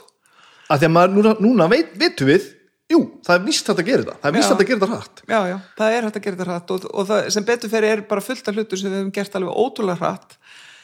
Um, sko það, það er bara alveg rosalega margt sem kemur upp í hugan þegar þú segir þetta sko af því að, af því að eitt af því sem að maður finnur fyrir þegar maður vill breytingar er bara óþólumæði maður vill að hluti þetta gerist hraðar. Uh, en um leið og það er alltaf svona leiðileg hlið á þessu að það er þetta hversu mikilvægt það er að fara vel í saumana á því á hverju breytingin byggir. Ekki bara breyta af því bara heldur líka, þú veist, hvað er það sem að úr hverju erum við að breyta og í hvað, hvað þurfum við til þess að gera þess að, þú veist, hvað erum við núna, hvert viljum við fara hvernig viljum við komast ánga við erum alltaf að gera þetta í einhverjum, einhverjum hérna stefnumótunum, breytinga uh, stjórnun, uh, aðgerra áallunum og öllu þessu dótti, við erum alltaf að þessu. Og, og hérna, og maður sopnar bara stundum að Já, svo heitir, um svo, hei, svo heitir þetta allt svona einhverjum fancy nöfnum Ég veit og bara leiðu fyrir að segja þetta og ég Ég bara, aaaah það, ég, ég veit það. En, en svo hugsaði maður með sig sko, að það að það sé að, það tak, að, tím, að, sko, að, að breytingar takki tíma. Og nú veit ég, ég er fann að hljóma mjög eins og ég sé nákvæmlega 57 ára sem ég er sko, að það að breytingar takki tíma, það uh, verður til þess að það er líklegra að það er haldi Já. að það er tolli. Og það er uh, sko uh, getur verið mjög slæmt ef að það verða kúvendingar með engum fyrirvara fyrir samfélag ef að þær kúvendingar eru í kolvillis átt uh, einhver sagði nú einhver tíman að það er bara eina kostningar milli hérna, líðræðis og fasisma veist það eru bara eina kostningar að, að þú- hugsa bara, já, hvað á ég að kjósa? Og vaknar um morgun og hugsa bara, já, kannski þennan og kannski hinn. Og svo ákvörðu bara klefan, jú, ég held að ég fíla þennan, ég bara kýsi þetta og svona. Uh, en þegar öll er á botnum kvöld þá er þetta kannski það mikilvægsta sem þú gerir uh, gagvart sko samfélagin öllu það er það hvar þú setur krossiðin þetta sjáum við í sko uppgangi aukahægris út um alla Európu og við sáum það hjá, hjá Trump og allstaðar að þannig er allt í nú komið með, með valdhafa sem er í alvörunni að taka uh, réttindi af konum sem eru að refsa fyrir uh, samkynneið eða fyrir refsa hins eginn fólki fyrir að vera til. Og þetta eru bara einum kostningum frá því að það var ekki þannig. Veist, þannig að það er alltaf alveg ótrúlega stutt frá uh, því góða yfir í það vonda í samfélagi. Já, og minn punktur er þá þessi að það þarf að vera með innbyggðar varnir fyrir samfélagið. Vi, við þurfum að verja samfélagið gagvart vondum pólitíkusum. Skilur við? já, við þurfum að hafa samfélagið svo örugt að það að það komi einhver, rugglutallur sem, að, sem að allt í hennu komi meiri hluta geti ekki snúið samfélagin á haus yfir nótt. Að við þurfum að vera varin fyrir því. Og þetta er svona hinhliðin á því hvað það er mikilvægt að það er ekki hægt að gjörbreyta á mjög stundum tíma skilur hvað er að já, fara? ég skilji, já, Já. ok, ok, ok, Já. En, en, en sko en þú ert að tala um sko hérna, að setja peninga í heilbyrðiskerfið Ég veit ekki og hvort ég er að tala um það. nei, nei, varst, bara- nei, þú varst ekki að tala um það en, en sko að því að, að því að stundum þegar maður hugsa um sko, og, og ég hugsa um það sem, sem hérna, vinstrimaður og sem svona mm, manneskja sem að trúa á félagslegan jöfnu og réttlæti og, og allt það sko þá hef ég alltaf hugsað að við þurfum meiri peninga í helbilskerfið, við þurfum uh, meira fjármagn og við þurfum að styrkja ofinbæra kerfið. Uh, svo finn ég peninga og, og set peninga og, og, og styrki kerfið. Og þá sé ég það, það þarf alveg örglega meira fjármagn, ég er alveg klára því. En ég sé að það stundum er að þannig að vandinn snýst ekki um það að vanti meiri peninga heldur að vanta fleira fólk. Mm -hmm. og þá hugsa maður, heyrðu, ok, búin til fleira fólk. Uh, hvernig gerum við það? Setjum fleira fólk í hjúknafræði, læknisfræði sjúkra, sjúkraliðanám. Ok, við setjum það í gang og maður er alveg bara, heyrðu, það tekur meira en kjörtjöfambil að uppskera. Setjum fleiri lækna í framhaldsmentun í heimilislækningum þannig að við séum ekki að sjá á okkur vanti heimilislækna. Þannig að áherslan á mönnuna sko þetta er auðvitað alþjóðlegt vandamál en áherslan á mönnuna er kannski stærsta áskorunin inn í framtíðina að við séum með nægilega mikið heilbriðstarfsfólki til að sinna heilbriðstjónustunni mm. uh, og svo auðvitað þurfum við á forverðnum að halda og passa okkur bara að hreyfa okkur og borða sæmilega og, og, og hafa okkur sæmilega þannig að við verðum síður veik Já. þannig að við séum ekki alltaf að horfa á eitthvað bara, við þurfum bara að hugsa um þá sem eru veikir eða slasaðir en, en grunnpunkturinn er sá að, að þú getur aldrei tekið bara einhvern einn mæli hvarða peninga og, og sagt það bara ef ég dundra nógu miklum peningum í þetta kerfi þá er það bara orðið gott nei, nei, það, veist, alltaf, og, og ég nefni mönnun, við getum líka nefn bara húsnæði, tækjakost, nýsköpun tæknilösnir sem við verum að læra núna að COVID við verum að hugsa að byttu er kannski einfaldara að sinna fólki sem er með languna sjúkdóma, síkusíki eða, eða blóð eða hjartasjúkdóma eða eitthvað, eitthvað slíkt. Er, er kannski hægt að sinna þeim jáfnvel betur í gegnum upp þannig að við komum til að sé bara að fylgjast með sjálfum sér og setja eitthvað inn og, og heilbyrðistarsfólki sé á einhverjum öðrum enda og sjáu þá bara rautljós, bara bíp, hérna er eitthvað að mm. höfum samband í staðin fyrir að segja alltaf kontu á mánaða fresti. Skilur, getur, við, getur við gert alls konar gegnum þetta? Létt á kerfinu með því að, að, að fólk sé meðvitað um sína heilsu og sé að gera meira bara sjálft?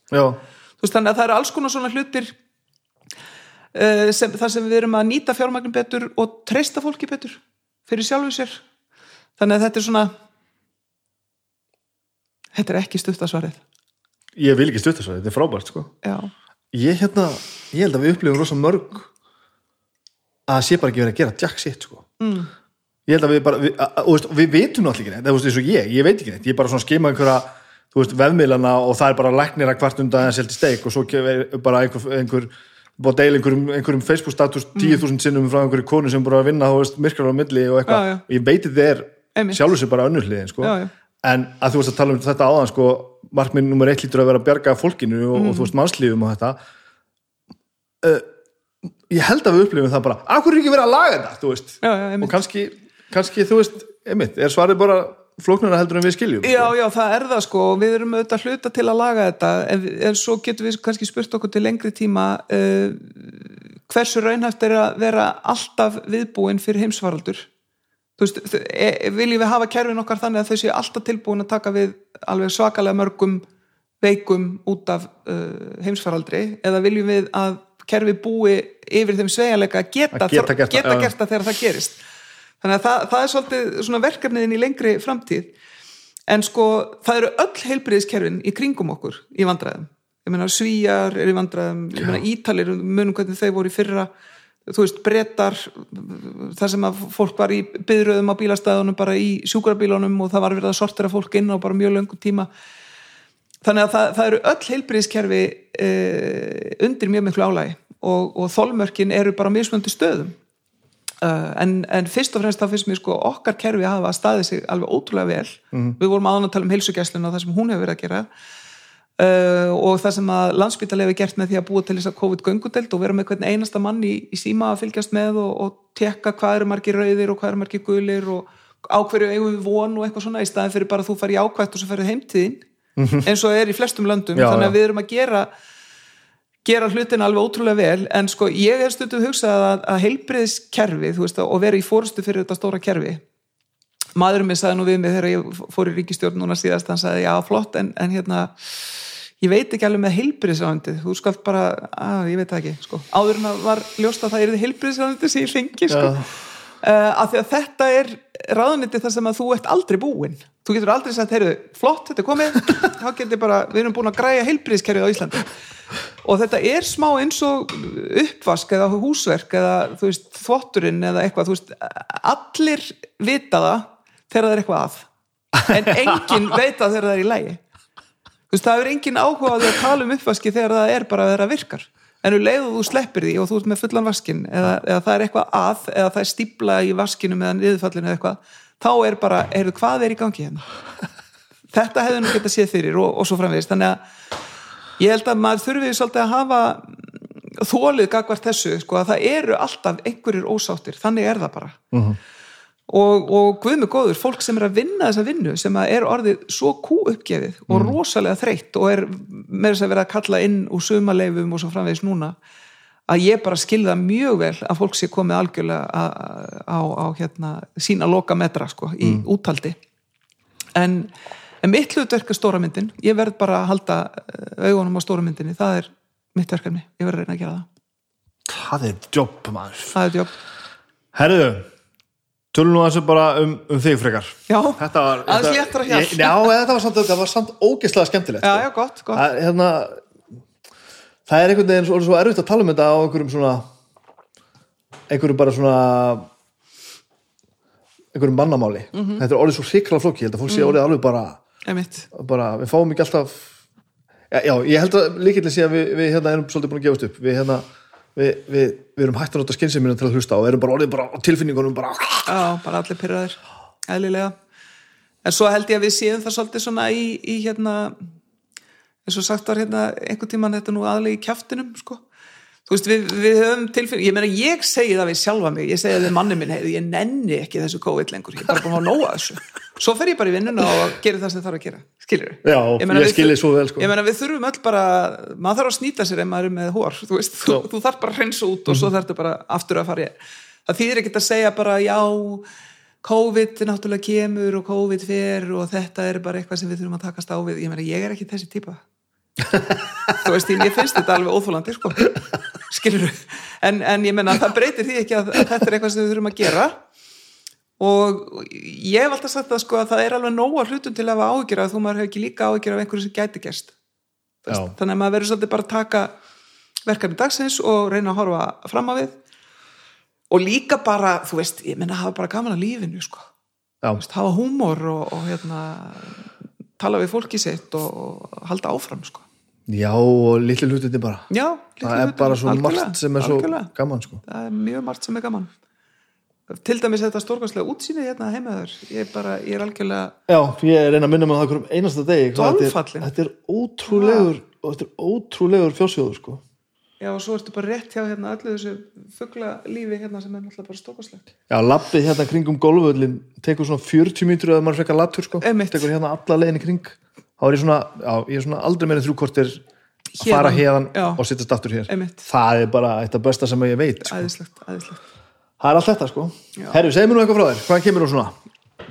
Ég kemur, uh, sko, ég fættu uppalinn í Vesturbænum, já, fætt, ég fætt á Selfossi, en ég er uppalinn á, í Vesturbænum, gamla fyrst, uh, brekkustíg, holtskötu, þessum svæðum, sko, var í gamla Vesturbæðaskóla sem það var stýrimannskólin við, hérna, gamli stýrimannskólin sem er bara upp á öldugötu, alveg endan á stýrimannastíg. Já. Þegar maður horfið upp stýrimannastíg, þá var gamalt hús þar efst, sem var gamli stýrimannskólin í eldgamla daga, en var svo badnaskóli þegar ég var þar ok, og já, og svo var ég í hagaskóla og svo var ég upp á kant og vildi ekki fara í MR af því mér fannst hann borgaralegur mér fannst mjög margt borgaralegt þegar ég var á þessum aldrei útskýri orðið borgarlegt í Æ, þessu mér fannst það bara svona, þú veist, allt sem að var eitthvað svona já svona jakkafött og og eitthvað svona að gera hlutin eins og átt að gera það og það fannst mér ekki Já, já. það hefði það ekki mín sko. Þannig að ég var, var svona daldi upprýst að gera unglingur og, og hérna hafði litla þólimaði fyrir því að hlutin tækja langan tíma. Þess vegna er ég svolítið að hlæja mér núna sko með þessa típu sem ég var sem krakki. En svo, þannig að ég vildi fara í MH að því mér fannst það vera svona nær mér. Það voru náttúrulega áfangaskóli og sem að eiginlega allir skólar eru orðnir í dag. Og mér fannst eiginlega fyrir sig að, að ég myndi ekki þrýfast í MR af því að það væri of svona allt of kantað, ef maður getur bara sagt að þannig. Gamaldags, borgaralegt þú veist Já. allt þetta, nú er ég sko fjögur börn og þrjú að þeim eru stúdendur úr MR og ég kann mjög vel að mynda MR í dag. En ég fór í, í hamraliðina þar voru líka svona típur sem að voru, þetta lífið snýst svo mikið um típur og sérstaklega þessum aldrei bara hvað típa er ég og ég vil vera með svoleiðis fólki. Og það voru svona típur sem að voru í kínaskóm í öllum veðrum. Þú veist í slappinu, alveg maður holdvotur í lappirnar en í kínaskóm skildi maður vera og svo átti maður náttúrulega sko hermannaklossa til skiptana sko sem að voru aldrei fyndið að því að maður var dóttir mér var að benda mér átum dagina því að hún var að spyrja byrja, og í hvernig fötu varstu, hvernig var þetta? Um, að þetta með að vera í sko hermannaklossum uh, en að vera um leið rosalega mikið á móti sko hernaði og vera mikil friðasinni og vera bara með þú veist, Ísland og NATO herin burt og Atomkraft, Nine Danke sko með þýstumerki og alls konar svona en vera samt einhvern veginn í hermannafötum sko, þetta var alltaf partur af því einhvern veginn að taka allt þetta herdót út úr því umhverfi og, og gera það að sínu sko. Þú veist og svo þurfti maður að vera með vera í einhverjum indverskum kjólum sem voru mjög, helst mjög síðir og með langa trefla sem voru allavega á litin eða með svona palestínu sjálf var þetta útpælt eitthvað? Já, nei, nei, maður sko leta þess að þetta var mjög lítið pælt. En þetta var gríðarlega útpælt. En svona pólitíkina baka þetta svoleiðis var, var, var Já, þetta voru svona, þetta var svolítið svona línan að þetta voru vinstri eh, típunar og þegar ég er unglingur sko, 14 ára þá er sko stóra uh, vinstri sveiflan í kostningum og svo aftur 79, Já. þú veist 78 og 79 þannig að þá var eiginlega sko vinstri sveifla bara í samfélaginu. Þú veist, ungt fólk var vinstri sinna það var gaggrinnið og það var svona meira sá andi í samfélaginu. Þannig að auðvitað var þetta líka svona hvað ég segja uh, þessi þessi bara uh, svona bara þetta ástand og þessi stemning í samfélaginu. Sko Ísbjarnablús kemur út þarna sumarið Já, 1980 já, þú veist þetta er þessi tími eitthvað bara uh, ég ætla aldrei að vinna í Ísbjarninum og bara eitthvað trúpadúra stemning og kassagítar og og löngpartí með Matteusflösku og, og hérna, Valpolicella og, og þetta sko. Veist, þetta var þessi, þessi tíðarandi var svo mikið einhvern veginn í gangi. Hvað sagður mér tískunni, ég, ég tröflaði var þetta sagt Já, sko, það var sérst, það var sérst gjarnan indesku kjólar og kínaskór og já, og svo var maður í úlpu sem var svona vírúlpa sem, sem var með hérna sem var með sem sagt, gæru fóðri já, og svona græna utan með rennilas á hettunni. Jeps. já, þetta var algjör einkennisbúningur sko. En þó vildi maður ekki viðkjöna það að þetta snýrist neitt um neina tískur sko. Átt að virka rosalega casual og kærulust mjög casual og kærulaust og maður eiginlega hafnaði sko öllum tískuströymum með því að vera mjög það meðvitaður var að pródusera það að vera ekki tískunni algjörlega sko. Og þú veist, alpahúfa var líka mikið tekin þannig að þetta var svona samtíningu hérðan og þaðan en maður sér þetta bara ef maður horfir á veist, bíómyndir sem að gerast á þessum tíma þetta var þetta bara svolítið alþjóðlegt. Þetta voru svona, þetta er svona, þetta er svona hippa stemningin svolítið að degi út. Þetta er það og svo kemur, svo kemur nýbylgjan inn í þetta. Og þá var allt í einu kannski var einhver í, þú veist, indverskum kjól en samt í leðurjakka.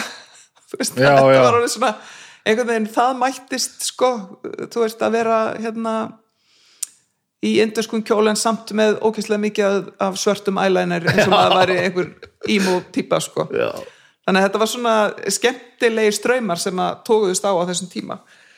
En það var algjörlega sko, það var ekki margi staðir til dæmis sem var hægt að fara á við sko minn hópur og, og krakka sem voru þar, þau fóru á borgina. Það var staðurinn sko. Mhm. og uh, krakka sem að vildu disco og svoleiðist tónlist uh, þau fóru í Hollywood. Já, og það var eiginlega sko nánast engin skörun nei, ok Nei, var það alveg þannig? Já, þetta var eiginlega alveg aðskildir hópar og það var náttúrulega opbáslega mikið af lifandi tónlist á borginni og mjög mikið af hérna, þú, þú veist, bara frum nýbylgjunni náttúrulega. hvað lifir þarna, hvað er elstu böndi sem er að spila þarna live?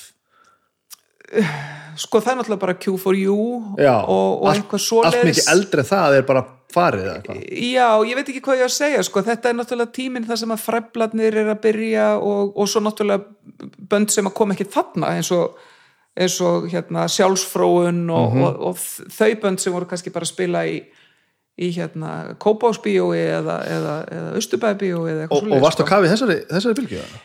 Ég ekki á kafi, en ég fylgdist mjög vel með þessu ég gerði það og ég náttúrulega hef mjög gaman á tónlist og hef alltaf haft það sko, en, en þessi tónlist snýrist miklu meira um sko samfélagsgagrinni heldur en um hljómagang.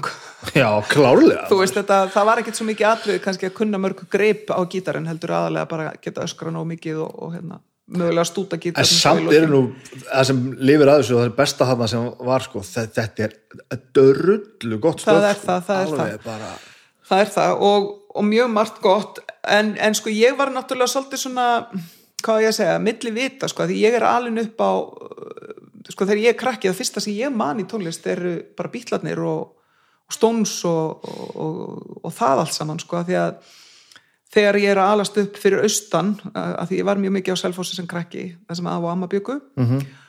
og uh, yngstu sískinni mömmu eru fólk sem er fætt 1951 þannig þau eru unglingar bara í, á bílatímanum og móðubróður minn var sko spilað í hljómsveit og þannig að ég man bara mjög óljóst svona þú veist það komi ný bítlaplata þú veist og, og allir bara setja nýja bítlaplötuna á það var svona lítill plötuspilari þú veist sem var í svona tösku. Mm. svona rauðri tösku og svo var teknir einhvern veginn hátalarnir upp sem voru með, já, já, já, sem voru með. Svo spilað hérna og þú veist, sett á og svo var hlusta og það var bara það var eins og sko einhver helgistund sko að hlusta á nýja bílaplötu og móðursýsti mín hafði verið í Bretlandi, hún hafði verið í, í Leeds sem au pair. Þannig að hún var fengið til þess að hlusta á textana og reyna að heyra hvað þeir voru að segja. Það var eitthvað Whistle a phrase in a pursue eitthvað svona og hún að skrifa eitthvað já ég held að sé og svo þessi frændi minn að, að hérna, pick up gripin veist, hvað, hvernig, hvernig er hljómagangurinn í þessu lagi? Hvernig, og þannig að hljómsveitin gæti svo tekið lagið sko, og þá þurftu auðvitað að hlusta á þetta 20 sinum já. Og skrifa og skrifa og, og pæla í því hvernig bassalínan var og hvernig þetta og hitt var og svona þannig að þetta er það sem ég er alveg upp við og, og þá er maður, þá er þetta bara stutt í þú veist, uh, hérna alls konar þjóðlagatónlist og alls konar svoleiðistótt, bara Bob Dylan og, og hérna, og svona alltaf Joni Mitchell og, og einhverja Já. snillinga líka Einmitt. og þetta er svolítið svona grunnurinn en svo þegar ég er sjálf uh, orðin unglingur og þá þá er ég meira, uh, þú veist, þá, þá er það náttúrulega þessi nýbylgja sem að náttúrulega kemur mjög sterk inn og, og auðvitað Bubbi sem að náttúrulega var bara algjörlega upphæð á nýjum, nýju tímabili sem er ekki ennþá búið sem er bara hans tími já. í raun og veru sem að uh, það sem að hann í raun og veru brýtur sér leið og, og svo megas með allt sitt bæði tónlist og texta og, og allt þetta þannig að þetta uh, þetta var eitthvað sem maður fylgdist heilmikið með og, og, og öll þessi þessi tilfinning sko það er komið ný plata. Veist það var eitthvað svona sem var stórt á þeim tíma veist, það kemur ný plata og þú, þú veist og að sitja með vinum sínum og hlusta á plötu. Þú veist og hlusta aftur og aftur á hana og snúinni við og tala um hana. Þú veist og ég man eftir okkur vinkonunum sko að það sem við erum að hlusta við erum að, maður er auðvitað, auðvitað mikið að fylgjast með John Lennon og því, því sem hann var að gera á móti því sem Paul McCartney var að gera og Wings og þetta og fannst alls konar um það og svo Harrison var að gera eitthvað annað og maður fylgjast með honum líka. Og svo var Ringo að gera eitthvað allt annað. Svo var Ringo að gera eitthvað allt annað og þetta fyndið að hugsa um það sko að þegar ég er krakki þarna fyrir austur, austur og selfósi sko að þá er þetta svo þetta, þetta er svo uppá endir alls þessi bítlar já.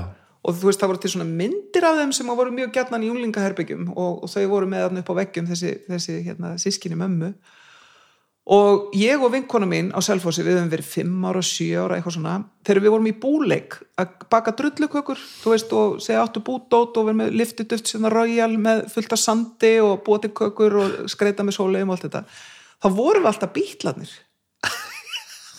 Þú veist, þá var ég eitthvað svona bakar í bílana? Já, þá var ég eitthvað svona nei, ekki, sko, þá var ég alltaf bara patti, þú veist, og hún var kannski George sem var, var svo að koma heim í mat. Og við vorum bara, þú veist okkur fannst þetta að vera einu fyrirmynd þetta sem skiptir máli, sko, að vera George eða Paul eða eitthvað og svo konan hans. Þannig hvað þetta hefur teikt sér langt ótrúlega, sko, og þetta var alveg bara þegar, já, Paul var að fá sér þarna kökusneið og kjötbólur og þetta var ótrúslega fyndi en svo, þú veist, það maður að fylgjast með því sem þeir voru að gera og ég man svo vel eftir því þegar við, við hérna spilum sko Double Fantasy, hún náttúrulega kemur 1980 hefði maður rétt. Já, einmitt, fyrir áramótin þá. Uh, að við spilum hana algjörlega endalaust sko. Og, og svo fyndi þá kom það sem kom fyrir að svona bjánalega minning sko að Double Fantasy platan mín hún, hún hérna, einhver krakki sennilega bræðu mínir eða eitthvað hafa tekið á henni sko með klístruðum puttum og ég er að þvona mm -hmm. og þurrkana svo með hárblásar, er það góð hugmynd? ekki hafa hann heitt hann allavega? Nei, en ég gerði það sem sagt. Uh, þannig að fyrstu tvö lögin á báðum hliðum voru óspilanlega því að plata var svona Vert, já, já, það er hittin sko. þannig að ég er sérst búin að læra það í eitt skipt fyrir öll að þetta gerir maður ekki við vínilplötur en ég gerði þetta einu sinni Já, það var ekki gott. En við hlustuðum mikið á þetta og þetta var sko, allt, maður lifið svo sér inn í þetta allt saman á annan hátt. Og ég menna í í útvarpinu var, voru bara lög unga fólksins og svo voru svona einhver þættir eins og áfangar eða eitthvað þar sem að voru einhver svona djúpar típur sem að voru að, að hérna kynna til sögunar eitthvað annað. Og svo náttúrulega uh, að því að ég var elsta barnabarni báðum megin eða elsta barnabarni báðum megin, já en ég var heilmikið að passa á svona sískinabötn og, og alls konar krakka. Þannig að inn á þessum heimilum þessa unga fólks, þá var maður líka að hlusta á alls konar þú veist, Death Row Tull og, og, og Emerson Lake og Palmer og, já, já. og, og svona progg þingradót sko, sem að, sem að náttúrulega bara er bara hljóðheimur þessa tíma sko. Já, og þetta er samt eitthvað sem þú hefur aðeins þetta tegjað í, þetta er nú ekki alveg nákvæmlega það sem þú farið nei, þetta er ekki útvarpinu sko. Nei, Nei, þetta er aðeins og, og, en þarna lærði maður að, að þekkja til dæmis flýt út makk sko, sem ég vald að haldi mjög mikið upp á.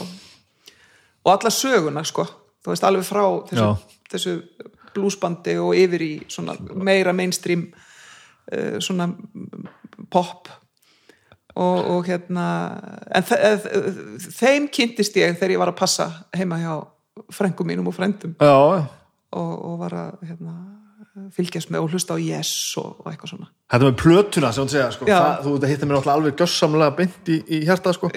Ég var að klára núna hundruðustu vikuna af hinu hlaðarpinu mínu. Ok, og, og sem að ég og Arnar ekkert erum með saman. Já. Það sem við erum að taka, sko, já, taka já, já, plötunar og, ég syns að tilnefni, sko, uh, Back to Black er besta platan með Amy Winehouse. Til að búa til einhver svona, og veist, einhvern tíðna, einhvern umræða grundvöld, sko. Svo hitti ég náttúrulega Arnar ekkert sem er doktor í tónlist. akkurat. Og hann er sko að, að við fyrir svona svolítið fræðilega yfir þetta hvort sem er rétt hjá mig sko. Og svo náttúrulega er bara tilfinningaspjall Já, sko. og svo einmitt. umræða grúpp á Facebook sem allt springur og allir vera brjálæði sko en það var einmitt hugmyndin uppalega sko að taka þetta form sem platan er sko. Ég, þetta var að segja á hann þessi heilaga stund þegar kemur ný plata Alveg þú og, þú, magnað, og ég sko. fæ þetta ennþá sko. Já, já. Og svo er það líka sko umslægið af því að það er svo mikil gripur. það er svo frábært þú sko veist hvernig, þú- hvernig hún bara er í höndunum að mann eftir einhvern svona þungum umslögum sko, sem að maður opnaði og það var kannski eitthvað mikið um hljómsveitina mikið um textana og maður svona svo gaman sko. Já, og það var var einhvern veginn allt miklu stærra heldur en svo náttúrulega geisladiska tímabili sem að náttúrulega var tiltölulega stutt ef maður horfði tilbaka að þá var þetta svolítið farið já, en það sem helst þó var það að platan var eh, í einhverju skilningi verk sem form, já, já, bara þú veist að byrja einhver staðar og enda einhver staðar en núna er maður bara fær maður þetta allt random á, á Spotify og hinga og þanga sko. þannig að það er opaslega mikil breyting Já. Hvernig er heima hjá þér? Nú er, kemur náttúrulega vantalega heimili sem að, þú veist, þú ert vantalega farin að heyra hlutum pólitík frekar stemma. já, ég held þú þetta að fara að tala um var sungið á þínu heim Var sungið á þínu heim? Var orgel? já, sko, reyndar er ég með heima hjá mér núna þá er ég með uh, gamalt harmoníum ok, og sem að er uh, frá langumum minni hún var organisti í Flatey á Breiðafyrði já, og keiftir sér þetta harmoníum fyrir sennilega sín fyrstu laun sko 1902 eitthvað svo leys og virkar það? Já já, það virkar en, Og lekur ekkert mikið loftið og svona? nei, það, það er eins og belgurinn sé heill sko en, en þetta er náttúrulega svo sem ekki þetta er ekki partilöðfari ekki beint en, en sko amma var svo, hún, hún spilaði mjög mikið og, og þannig að það er mjög mikið fólk spilar mjög mikið kringum mig Ok. spilar á hljóðfari og sonur minn er enda í, í hérna desnámi í, í Svíþjóð Já, ok. og, og hann er trombetleikari en er svona, hann er svona eins og heitir útlensku multi-instrumentalist þannig að hann spilar á bassa og spilar á hljómborð og spilar á allt mögulegt við syngjum mjög mikið og spilum þegar við hittumst Já, já. ég kynntist manninu mínum í kór kirkjukór og, og hérna þannig að þetta er svona algjörlega grunnstrengurinn í okkar lífi það er tónlist. Músíkin? Já, ok. Gaman að því. það, það er alveg bara eh, já, ég, ég hlusta mjög mikið á tónlist og hlusta mikið á jazz hlusta mikið á soul og hlusta líka mikið á klassík og sérstaklega á píanoklassík núna. Það er svona kemur og fyrr, þú veist, núna er ég mikið að hlusta á Viking, það sem hann er að gera, Já. er það svo ótrúlega magnaður. Uh, en uh, ég hlusta líka mjög mikið á jazz uh, sko að því að strákurinn minn spilar jazz og, og hérna, þannig ég hef mjög gaman að því. Og ég gerði það, hann var um að rifja upp með mér í gær, hann sagði mamma mannstu þegar þú keiftir tíu uh, jazzplötur? Þá, ég sagði bara já, við eigum ekki alveg jazzplötur hérna. Og bara, ég sagði bara, hvað eru bestu jazzplötur sem til eru í heiminum? Og einmitt, pantaður á Amazon. Tíu plötur. Ég, þú þetta að senda mig listan um þetta Já. ég er að byrja að dífa Tonni og í jazz sko, ég skildi þetta aldrei það er svo gaman. Og Það- þú veist, og það er Herbie Hancock og það var, uh, þú veist, náttúrulega bara alls konar, hvernig valdur þetta? Ég var með alls konar lista á netinu og svo bara tók ég það svolítið saman af því að allir voru með þessar fimm, sumir voru með þessar þrjár og eitthvað svona bjóð til bara eitthvað sem að mér fannst passa. Og við spiluðum algjörlega gata þessar plötur og það hjálpaði þessum sinni mínu mjög mikið af því að hann var mjög, mjög, mjög vant eira ég er náttúrulega alveg upp við Rás 1 og Jón Múla sem að óla okkur upp Já. bara í að hlusta á jazz. Á þess að vissi það.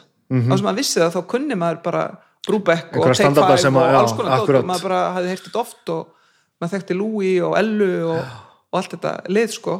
En núna er, þessi heimur er eiginlega hvergi núna. Þannig að Nei, hann, maður þarf að sækja hann hann sko. er pínu á Rás 1 það er mjög góðu playlisti á Rás 1 á, í morgun úttarpinu ok, já, mæli með honum. En, ertu með blöðspilið í dag?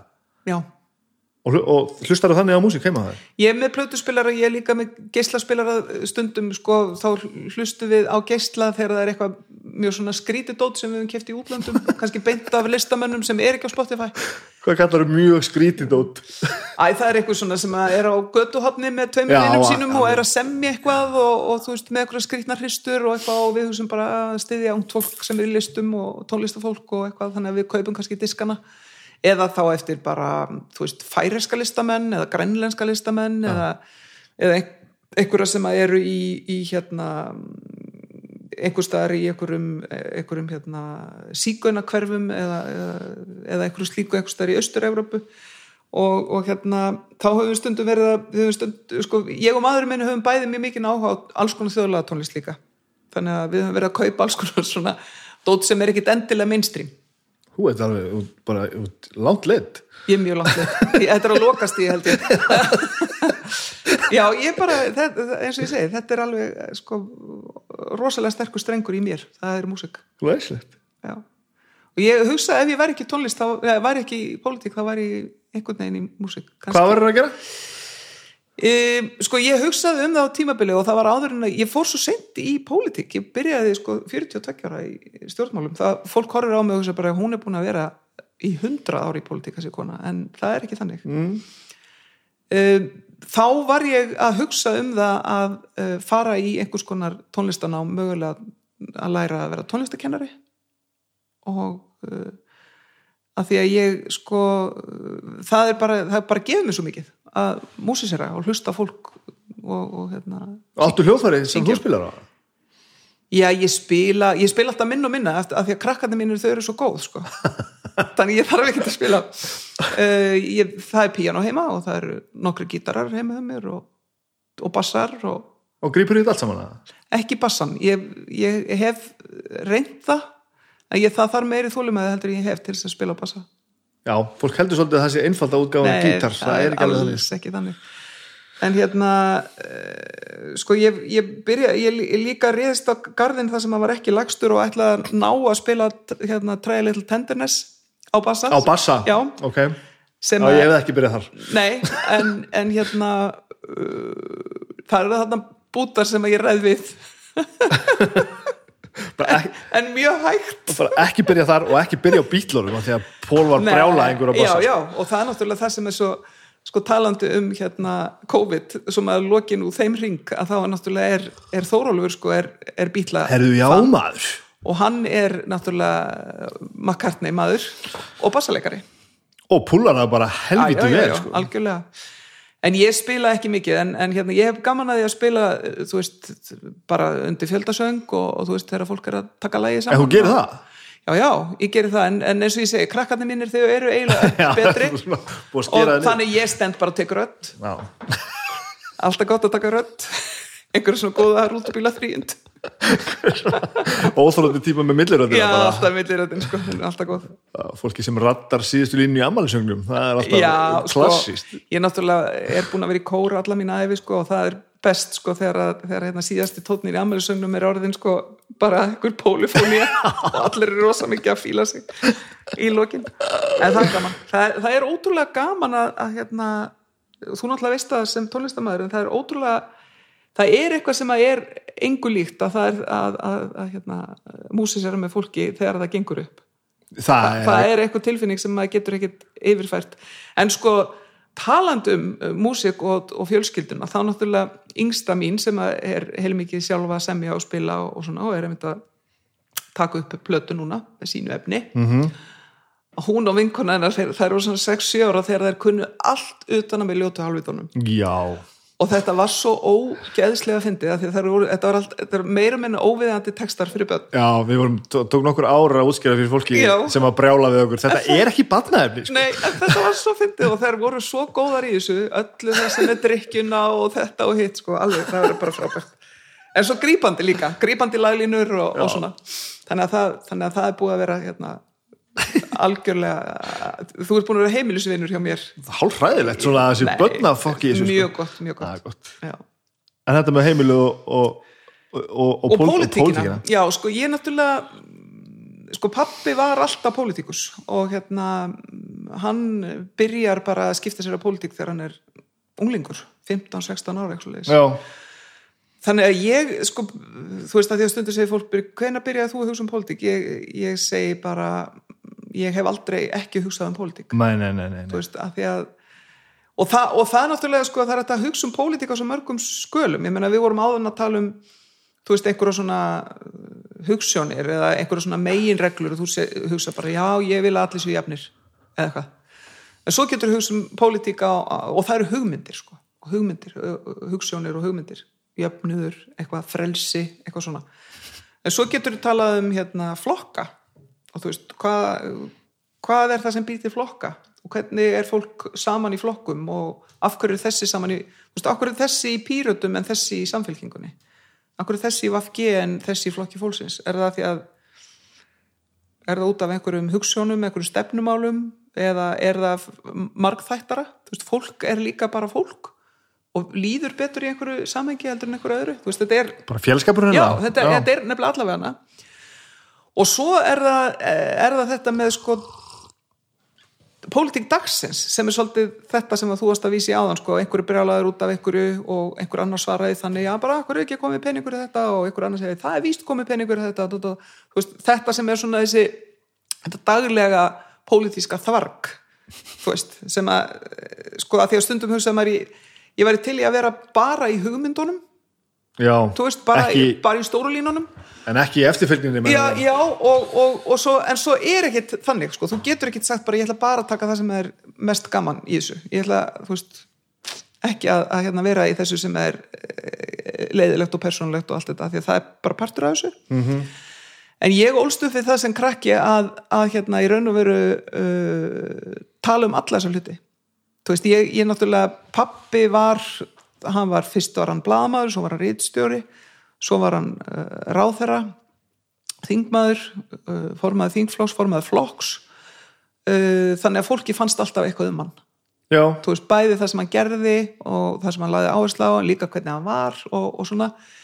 Þannig að ég hef alltaf verið mjög svona hvað ég segja hef haft mikla reynslu af því að pólitík sé partur af bæði sko daglega lífinu í umræðinni en líka persónulega lífinu skilur, sem bann stjórnmálamanns og þetta voru alveg sérst ve- verið heima hann hefur alveg verið pólitíkus heima líka Já, sko, eins og, ég meina það er í raun og veru vola lítið annað hægt. Ég var að reyna sem, sem krakki og sem, sem dóttir hans að reyna svolítið að aðskilja þetta. Þú veist að segja bara mér þykir vænt um pappa en það er ekki það með þetta sé í sammálunum með allt sem hann gerir og það er alveg hægt. Þú veist, það er alveg hægt að vera, þú veist, þú getur alveg fílað einhverja mannesku og kunnað við hana og geta spjalla við hana og svo framvegis að þess að vera sammálunum alla hluti. -hmm. Og, og maður veit það líka í stjórnmálum að sumir eru þannig fólk að að það stendur sem þeir segja, þú veist að það eru heilar, heilst eftir manneskjur, maður tekur í hendina og segir bara, ok, er þetta dill? Já, þetta er dill og dillin heldur. já, er það ekki fjandinn hafið að nummer 1, 2 og 3 Það er nummer Það 1 og 3. hlýtur að vera. Það er nummer 1 og 3, að, að það sé bara almennlegar manneskjur. Já. Þú Veist, og, en, en svo getur verið að eiga við eitthvað sem er sammálaðir inn að gæsa lappa sko Af í því að að- já, já, eða í einhverjum málefnum. Já, en, er, það, en er síðan ekki þannig að, að, hérna, að viðkomandi standi við það sem að var sagt í gær? Það myndi gera mig alveg brjálað Já, alveg um það, leið sko. það nefnilega gerir mann alveg brjálaðan sko. en þetta sko, ég meina pappi kemur utan á landi, hann er kemur sko elst upp við lítil efni og, og þannig að það er alveg sko kemur algjörlega frá hjartanu hjá honum að berjast gegn fátækt, berjast fyrir jöfnuði veist, þannig að hann kemur svo upplugur þaðan bara af eigin reynslu og skilningi á, á því þetta snýst um samfélagið allt. Og það er fólk sem að á of mikið sem að þarf ekki meira sem getur lagt meira að mörgum og það eru aðrir sem að vinna uh, myrkruna á milli en eiga samt ekki nóg. Mm -hmm. og þú veist, þetta er í raun og veru veist, og, það, og það er sko óréttlæti sem felst í misskiptingunni og fel, felst í því að að uh, sömur eru ríkir á þess að hafa fyrir því á meðan aðrir ekki nóg. Að það, það er það sem að drífur mig áfram. Það bara svo, svo einfalt er það. það er bara grunnurinn. Það er bara grunnurinn. Og, og þú veist, þegar ég er að, sem heilbyrðis á þeirra að segja heyrðu, við þurfum að draga úr greiðslu þáttöku sjúklinga. Þetta er eitthvað svona frasi það sem allir sopna í mitt, sko. Sem þýðir raun og veru það heyrðu, þú átt ekki að þurfa að horfa í peningin þegar þú ferð á heilsugæsluna. Nei.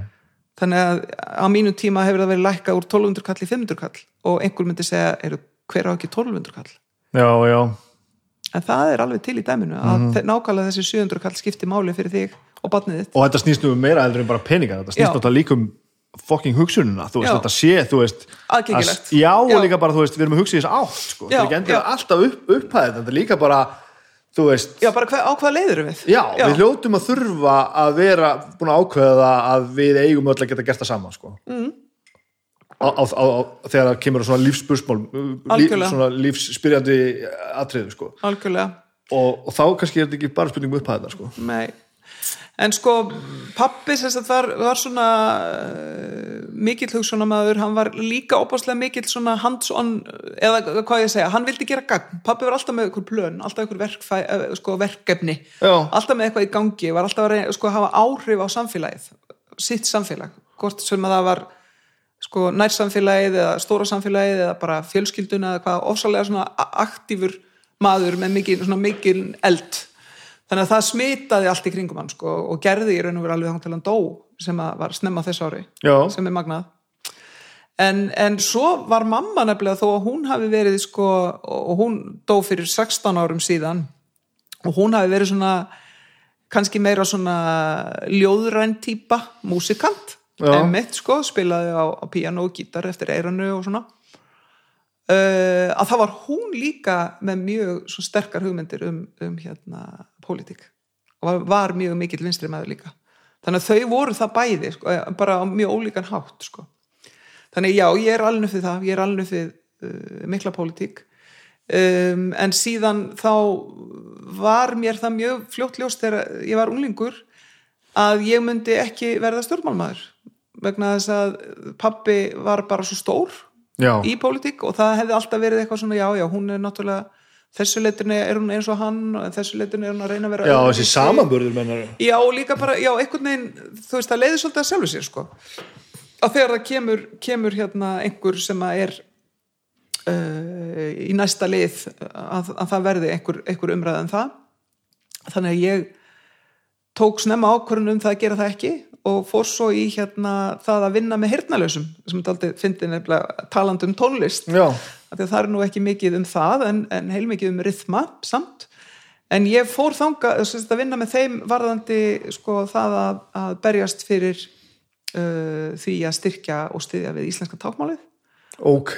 Og byrjaði að, að hérna, vinna með þeim að því ég hafði lært málfræði og málvísindi í háskólanum. Hvaða leið fórstu gegnum þetta? MH?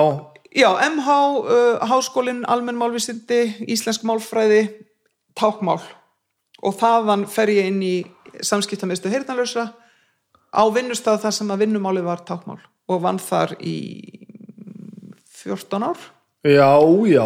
Þar sem að maður bara segi góðan daginn og gaman að sjá þig og, og, og hvað segir gott? Og núna sjá hlustendur ekki hvað ég er að gera. Geðveikt útvarp, geðveikt útvarp. Já, mjög gott útvarp. Þannig að það var í raun og veru svona mín leið svolítið til þess að hafa áhrif á samfélagið skilur þetta er í raun og veru svona Já, bara uh, hugsa um að því, að því mér finnst svo mikilvægt að hugsa um uh, það, það er svo auðvelt að hugsa bara alltaf um meðaltalið.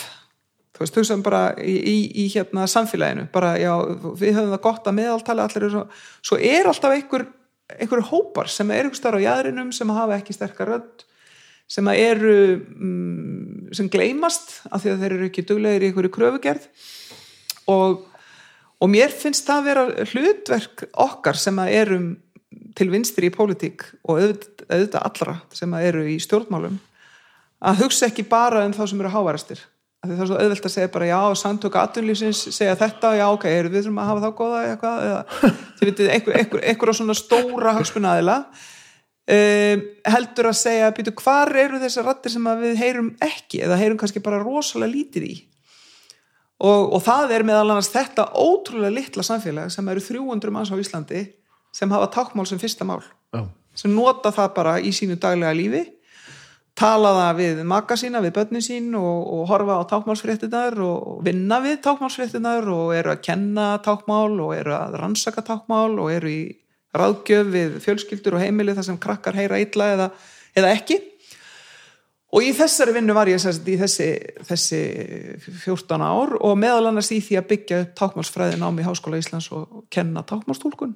með, með hérna hernælusum kollegum þar sem að ég var að hlusta eftir því hvernig þú færir tákmálið yfir á íslensku og, og hvernig þú færir svo íslenskuna yfir á tákmál og svo var ég alltaf með hérna, kollega með mér sem er móðumálstalandi uh, tákmálstalandi sem sagt uh, í því að vegum þetta tákmálið því á viðkomandi, af því að þetta er náttúrulega alltaf heyrandi fólk sem eru, eru hérna, tákmálstúlkar uh, og svo bara sko þrátt fyrir alla þrátt fyrir það að segja við sjálf með að pólitík væri ekki mitt verkefni þá sko pabbi hættir svo í þinginu 99 verið sendi herra, kom til útlanda var í hérna Kanada og svo í, í Svíþjóð og Danmörku og náttúrulega nöyð sín mjög vel í því að, að láta gott að sig leiða og, og, og vera í einhverjum stórum verkefnum þar eins og allstaðar eða 99 er um það byrj sem að uh, verður breyting í íslensku stjórnmálum þar sem samfélkingi verður til og vafki verður til og, og allt þetta stokkast allt upp. Já.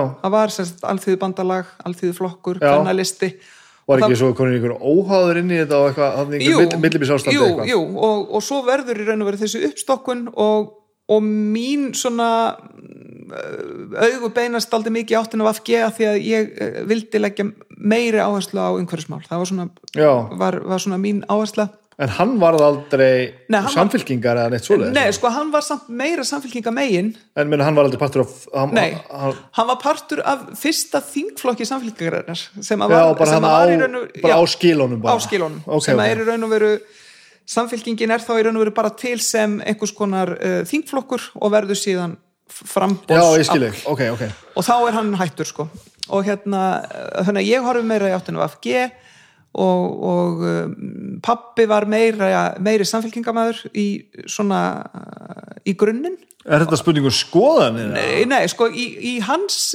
tilviki var þetta meira spurning um trúna á samstöðu vinstrimanna uh, svona, hvað ég segja pólitíska samstöðu vinstrimanna svolítið eins og bara Reykjavíkulistin eða eitthvað svona Bara búið til svona samfélag Já, fólks sem já. að þjappa fólki saman já, Og, og bara ef við stöndum saman um það sem okkur finnst þá erum við líklegri til þess að, að ná áhrifum í samfélaginu sem er bara rétt. Og, það, og samfylking er náttúrulega þessi yfirskrift sem snýst um það að fylgja saman ólíkum hópum. En á sama tíma þá verður Vafge til sem að leggur meira áherslu á þessi grænumál og svo á, á friðarmálin og á kvenfélagsmálin og, og ég svona horfði, horfði meira í þá átt.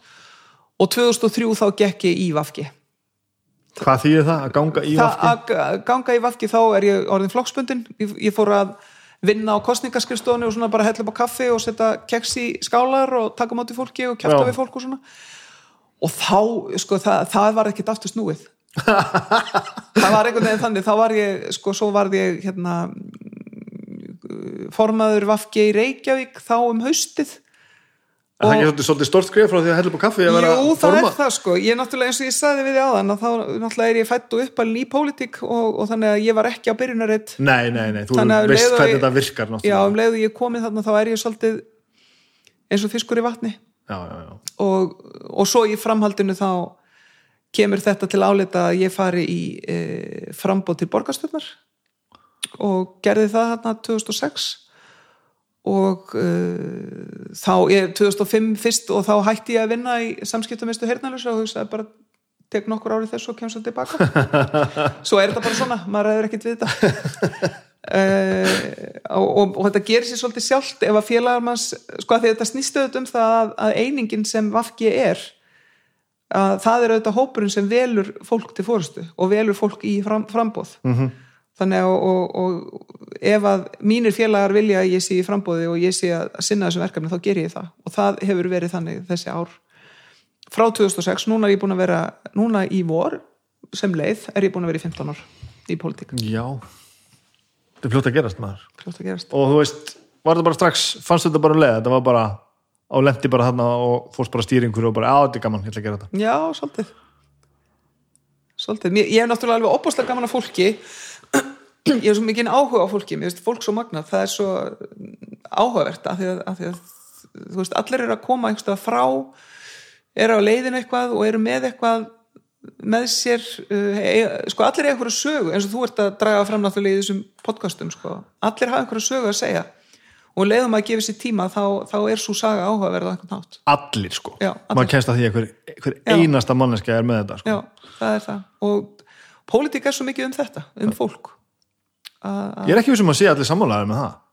Nei, kannski Ég held ekki. að við sjáum þetta ekki allavega utanfrá sjáum við þetta ekki þannig sko. Nei, nei, og, og ég meina auðvitað snú, snýst pólitík ég tala áðun um, um hugsjónir og, og hugsjónir eru náttúrulega kannski þetta svona romantíska við þetta að, að maður, maður sér fyrir sér eitthvað, þú veist að allir geti fengið nóg og allir engi þurfi að líða skort og eitthvað svona sem er svona einhver framtíða sína, einhver hugsjón. Afsakaði, nú var ég að grípinni Já, Eru allir að hugsa svona? Sem Nei. er að stjórna þessu? Nei, alls ekki. Ég, ég, ég veit ekki, ég held að það sé sitt lítið að hverju en, en hitt stóra aflið í stjórnmálum eru hagsmunir. Já, það eru einfallega hagsmunir, ég meina þú getur búið til stjórnmálaflokk sem er um bara eh, tónlistarmannaflokkurinn. Já, já, já. skilur og það bara, já, ég ætla bara að vera hérna með tónlistarmannaflokkin og við ætlum að tala hérna um við ætlum að tala um stefgjöld og við ætlum að tala um, um hérna gig-hagkerfið og við ætlum að vera í þessu. Gigghafkerfið, er Já, þú veist það sem að þú bara allt í einu eru samkomintakmarkanir og þú bara, og öll giggin í ágúst eru dottin út Mhm. og þetta, þú veist hvað, samt er þetta allt á flegi ferð sko. E, þannig að þú gæti bara sagt ég ætla, ég, ég ætla bara að vera með þetta og ég ætla ekki að vera með skoðun á neina öðru sko, ég ætla ekki að þú veist, ég nenni ekki að tala um hérna fiskveðstjórnakerfið eða, Það hljómar eins og einhver, einhver allt annað leikur bara að maður sé bara Já. ekki að spila saman leikin sko. já, að þá ertu bara með einhverja hagsmunni, en svo myndi kannski einhver segja já, þetta er líka bara þessi stóru kraftar eins og þú veist, þú ert með atvinnureikandur á öðru megin og svo uh, launamenn hinum megin, leiða launafólk sem hefur ekkit annað að selja nema vinnutíman sinn -hmm. en atvinnureikandur sem að haga því að uh, finna leiðir til þess að hagnast sem mest á, á hérna atvinnutækifærunum án þess að það endilega skilji sér í launafumslæði Já, þetta er auðvitað hagsmuna bara það já, já, já. Og það er kannski, og svo sem að byrja og hver eru þá hugsunirnar þar? Eru eitthvað hugsunir um opið frjálst samfélag, ég veit ekki. Kannski, kannski á tillidögum en þegar allt kemur til að snýst þetta í raun og veru um hagsmunni já, já, já. þannig að þú veist, þetta er á svo mörgum levelum einhvern veginn, þú veist, það eru hugsunirnar það eru hagsmunirnir. Og svo er það það sem ég var að nefna áðan bara hvar finnst þér gaman að vera? Með hvað fólki viltu hanga Já, maður kemst að því sérstaklega ég er búin að komast að því því sér térna að tala við fólk sko, að fólk sem er í einhvers konar svona vinnu Mhm. sem að kannski, ég var ekkert búin að kveikja á áður sko. þetta snýst náttúrulega eins og allstaðar annar staðar það er alveg sama þó að ég sé ógislega góður í vinnunum minni ef að ég nenni ekki að vinna með fólkinu sem ég er með þá er ég ekki þar, Einmitt. þá er ég kannski frekar til í að vinna vinnu sem að ég er svona aðeins til hliða við en hópurinn er frábær sko. akkurat, að föttum það ekki alltaf þetta samfélag sem þið eru í sko. Einmitt, en, þa en það sér maður sko þegar maður, eh, sko á þessum nýjustu rannsóknum sem verið er að gera núna á því sko hvað, hvernig ákveður fólk til dæmis hvernig það kýs? Veist, hvað, hv- hvað er það sem að þú, þú kannski byrja með einhverju útilökun aðfyrir og segir bara ég vil ekki þennan flokk og ekki þennan flokk og ekki þennan, ég þarf ekki að hugsa um það einu sinni, ég bara tek það út. Uh, en þarna eru einhverju þrýr sem ég gæti alveg hugsa mér um, að kjósa og hvað er það sem að hvað er það sem gerir það að verkum að þú setur atkvæðið einhverstaðar? Er það það að þú hugsa, já, þessi vill uh, að námslán séu styrkir í au- auknum máli, mæli eða er það að því að þessi segir já, við viljum auka aðgengi að félagslegu húsnæði eða er það því að þú bara fílar þessa mannesku sem er í Já, fyrsta er það seti ekki svolítið stert? og þú, þú veist bara ja, eða, eða, eða svo er það líka þetta sem að, sem að maður hugsar uh, ég vil frekar kjósa eitthvað flokk sem er í andstöðu veist, sem er flokkurinn sem segir heyru, heyru, þetta er nú búið að vera allt í tómu helvitis rugli og tjóni, nú er ég komið með þetta ég ætla að gera þetta. Eða hugsaður, nei, ég vil frekar kjósa fólk sem að, eins og nefndir áðan, bara fólk sem er þarna ennþá, þrátt fyrir allt. Veist, það, mér finnst það skipta máli. Þannig að þetta er svo ótrúlega fjölbreytt sem að, þú veist, e ef að maður væri bara að hugsa bara, heyrðu, ég ætla bara merkja hérna við og svo niðurstaðan er bara, heyrðu, þú ætlar að kjósa vafki, nei, þú ætlar að kjósa pírata þú ætlar að kjósa framsólaflokkin og þú myndir bara fylgja því. En þú gerir það ekki, að það, það, það eru miklu, miklu fleiri þættir og þess vegna er kostninga bara þetta bæði mjög spennandi en líka mjög, sko eh, á einhvern nátt sko, getur hún farið á alla vegu. Mm þú veist, þú finnur í kostningabaratu maður er bara, já, vá, við erum á geggjuð flugi svo eru þrjár vikur og þú allt innu byrja bara að missa 1% á dag, sko og Já. þú betur, hvað gerðist? þú veist, þá var það einhver eitthvað gerðist á einhverju samfélagsmiðli eða einhver annar sagði eitthvað annað og þú hafðir ekki svari við því eða eitthvað þetta er að- náttúrulega vinsaldakefni. þetta er svolítið það og svo er líka bara spurningin hvar er samfélagi statt akkurat á kjördag Já, það líka að sjálfsögðu, sko. Já. En bara eins og Eurovision snýst ekki um hvað er besta lagið, sko. Nei, Það snýst um hver var með besta kynningakampinið. já, Eða allavega söngarkeppnin hérna heima. Maður sér það aftur og aftur og aftur, sko.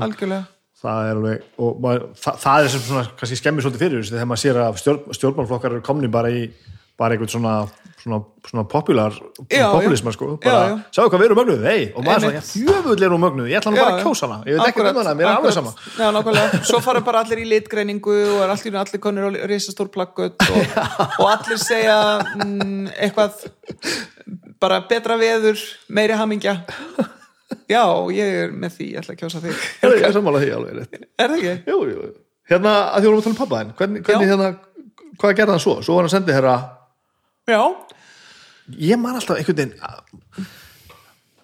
hann var alltaf eitthvað svo ósnertanlegur einhvern veginn fannst þér það? ég var alltaf svolítið Já. mikið badd þegar hann var Já. sko í, í pólitík og Já. þá, þá man ég bara til ykkur kostningavökum og það var rosa hart bara þessi og þessi Já, og Þorsteinn já. Pálsson Eitthvað bara og, fjóri flokkar og ræðist Engilmur Hermansson já, og bara já, já, Þetta voru bara fjóri flokkar eða mögulega fimm og maður vissi ekki neitt sko hann var svolítið svona töffari sem hallaði sér bara aftur og svona einhvern veginn Það var svona, var svolítið eins og að verið að reyna að stökkva vatn á gæs sko Það var svona, svolítið svona Já, bara- svona harður af sér. já. Já, sko, pa- pabbi var náttúrulega hann var, það var sko mjög svona sem stjórnmálamæður var hann náttúrulega ofsalega sko mælskur og það var mjög svona hann let mikið til sín taka sko. eiginlega töff Já, hann var töff ægilegu töffari Já, hann var töffari uh, en sem manneskja sko alveg ofsalega uh, áhugasamur svo ofsalega áhugasamur um fólk. Mm. sko, og eiginlega alveg sama hvort að fólk var sko 6 mánada eða 95 ára.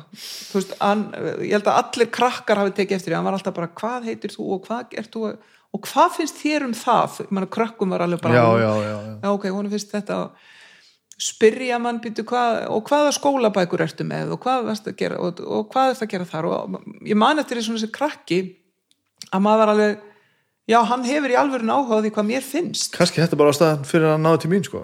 Já, kannski það að, að þú veist að hann, hann spurði hvernig líst þér á það og, hva, og, og svo, svo ef maður var að segja eitthvað sem hún fannst ekki meika sens þá kom kannski uh, byrju nú við, færðu rauk fyrir því? Ég man alltaf eftir þessu þetta er mjög leðilegt, færðu rauk fyrir því? Og að því að maður komst ekki upp með það að segja bara eitthvað. Að hann gerði alltaf þá kröfu að maður hefði sko, eitthvað grunn á því, sko, undir því sem maður var að segja. Ok, og þess vegna sko, áttu við náttúrulega bara einstaklega vel skap saman og vorum alveg óbáslega miklu vinnir töluðum mikið saman. Og að því að okkur fannst svo gaman að eh, skiptast á skoðunum og, rök, og rökstiðja mál og, og svo náttúrulega bara einstakt fyrir mig sem stjórnmálamann að hafa hann með þú veist alltaf einhvern veginn 3000 fettin á allt sem var að gerast. Mm. að hann sagði bara já, byttu þú ef, hérna á kjörtjöfumbilinu þá er þetta svona ef þetta veist, já, ég var eitthvað að drukna í verkefnu dagsins bara hvað minn almáttur, þetta er eitthvað alveg hræðilt að nei, byttu þetta já, það er nú oft þannig að þegar dregur nær kostningum þá gerir, þú veist, það var hann með eitthvað svona, eitthvað sín sem hans náttúrulega reynsla færðunum og, og líka eftir að hafa verið sko áðurna var sjálfur í pólitík að vera blaðamaður sem að hefur það að vera álengdar horfa á völlin greina stöðuna og, og sko og pappi líka hann, hann sko sem að mér finnst vera eftirbreytnivert og, og kemur enn inn á það sem að sko þessa, þessi podcasti á þér. Að pappi sagði við þurfum að hittast á lögadaginn og við þurfum að tala saman í tvo klukkutíma. Sko að því að hann leit alltaf á það að tala saman sem verkefni. Þú veist ekki þú veist já já við hefðum ekkert að gera þannig við vorum bara sátum og töluðum saman.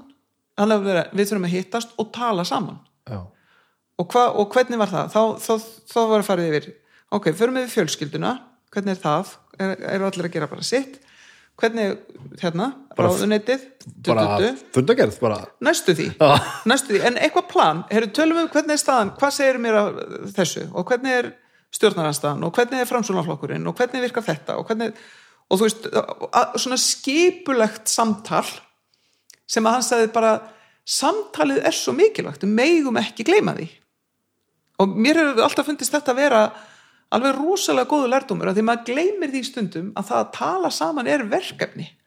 Veist, en ekki bara eitthvað uh, að því ég hafði ekki betra að gera.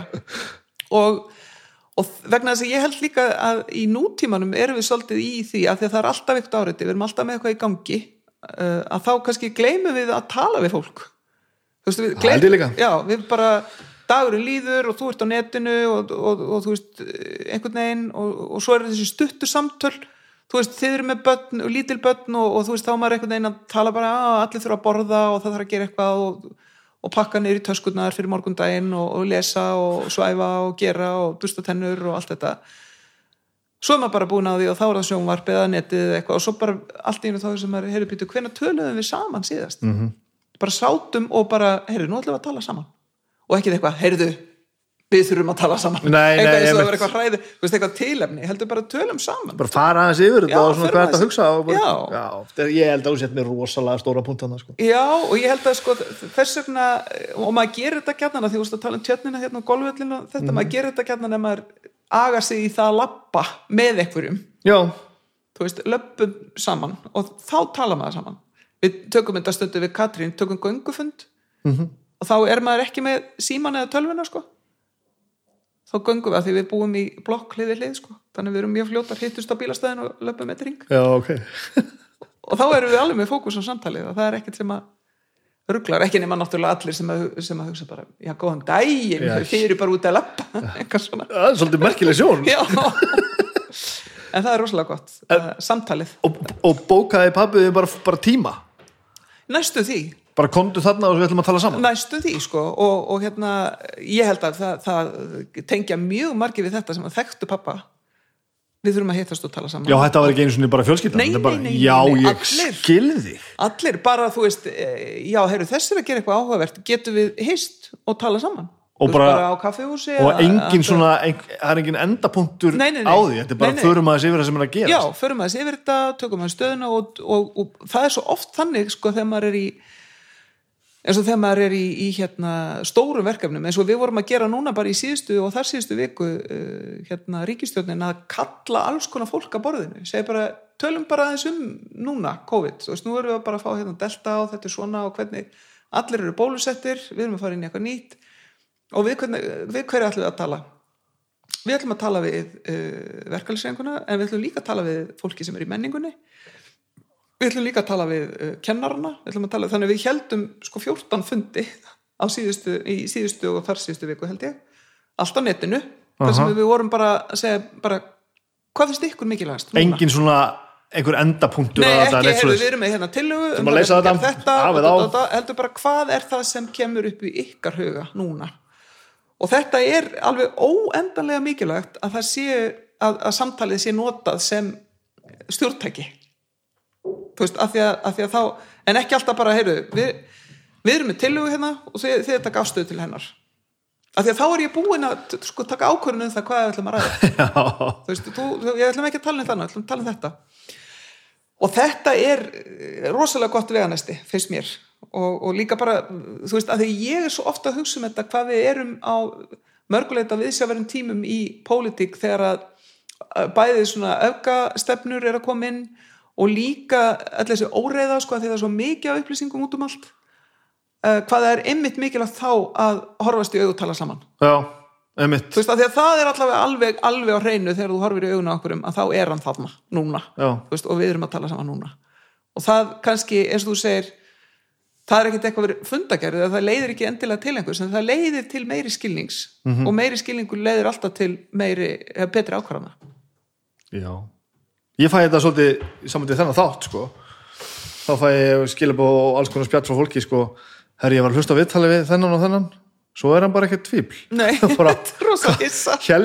Var, þetta var, rosa sterti þetta hefur gaman að þessu samvæntið við Gísla Martin sko. Já, já, já. Það var svo margi sem höfðu samband bara, Já, herri svo er hann bara svona helviti magnaður. Ég hvað, þú var sett ósamal hérstu bara að hann var í illmenni eða hvað hérstu að vera að gera? Já, já. og svo um leið á spjallið á sér stað þá bara, herri, hann er bara helviti magnaður. Akkurat það er, það er líka bara svo, svo hérna mikilvægt finnst mér að, að við tölum svolítið um það hvernig við tölum saman sko að, að sko þessi skautun eða polarisering að segja bara það allt er annarkvort svart eða hvít, allir eru annarkvort góður og vondur eða eitthvað, þetta er bara ekki gott skautun, það Já. náður mér alveg sko. Já, það er flott orð það er þessi polarisering að, að allt í einu, þú veist, þú verður að vera hvort ætlar að vera hér eða hér, Já. það er engin aðrir Nei. tónar í þessum skala þetta er, þetta, er, þetta er það sem ég á erut með sko. Já, og er vonandi kannski aðeins að breytast eða eitthvað Já, ég, ég vona það.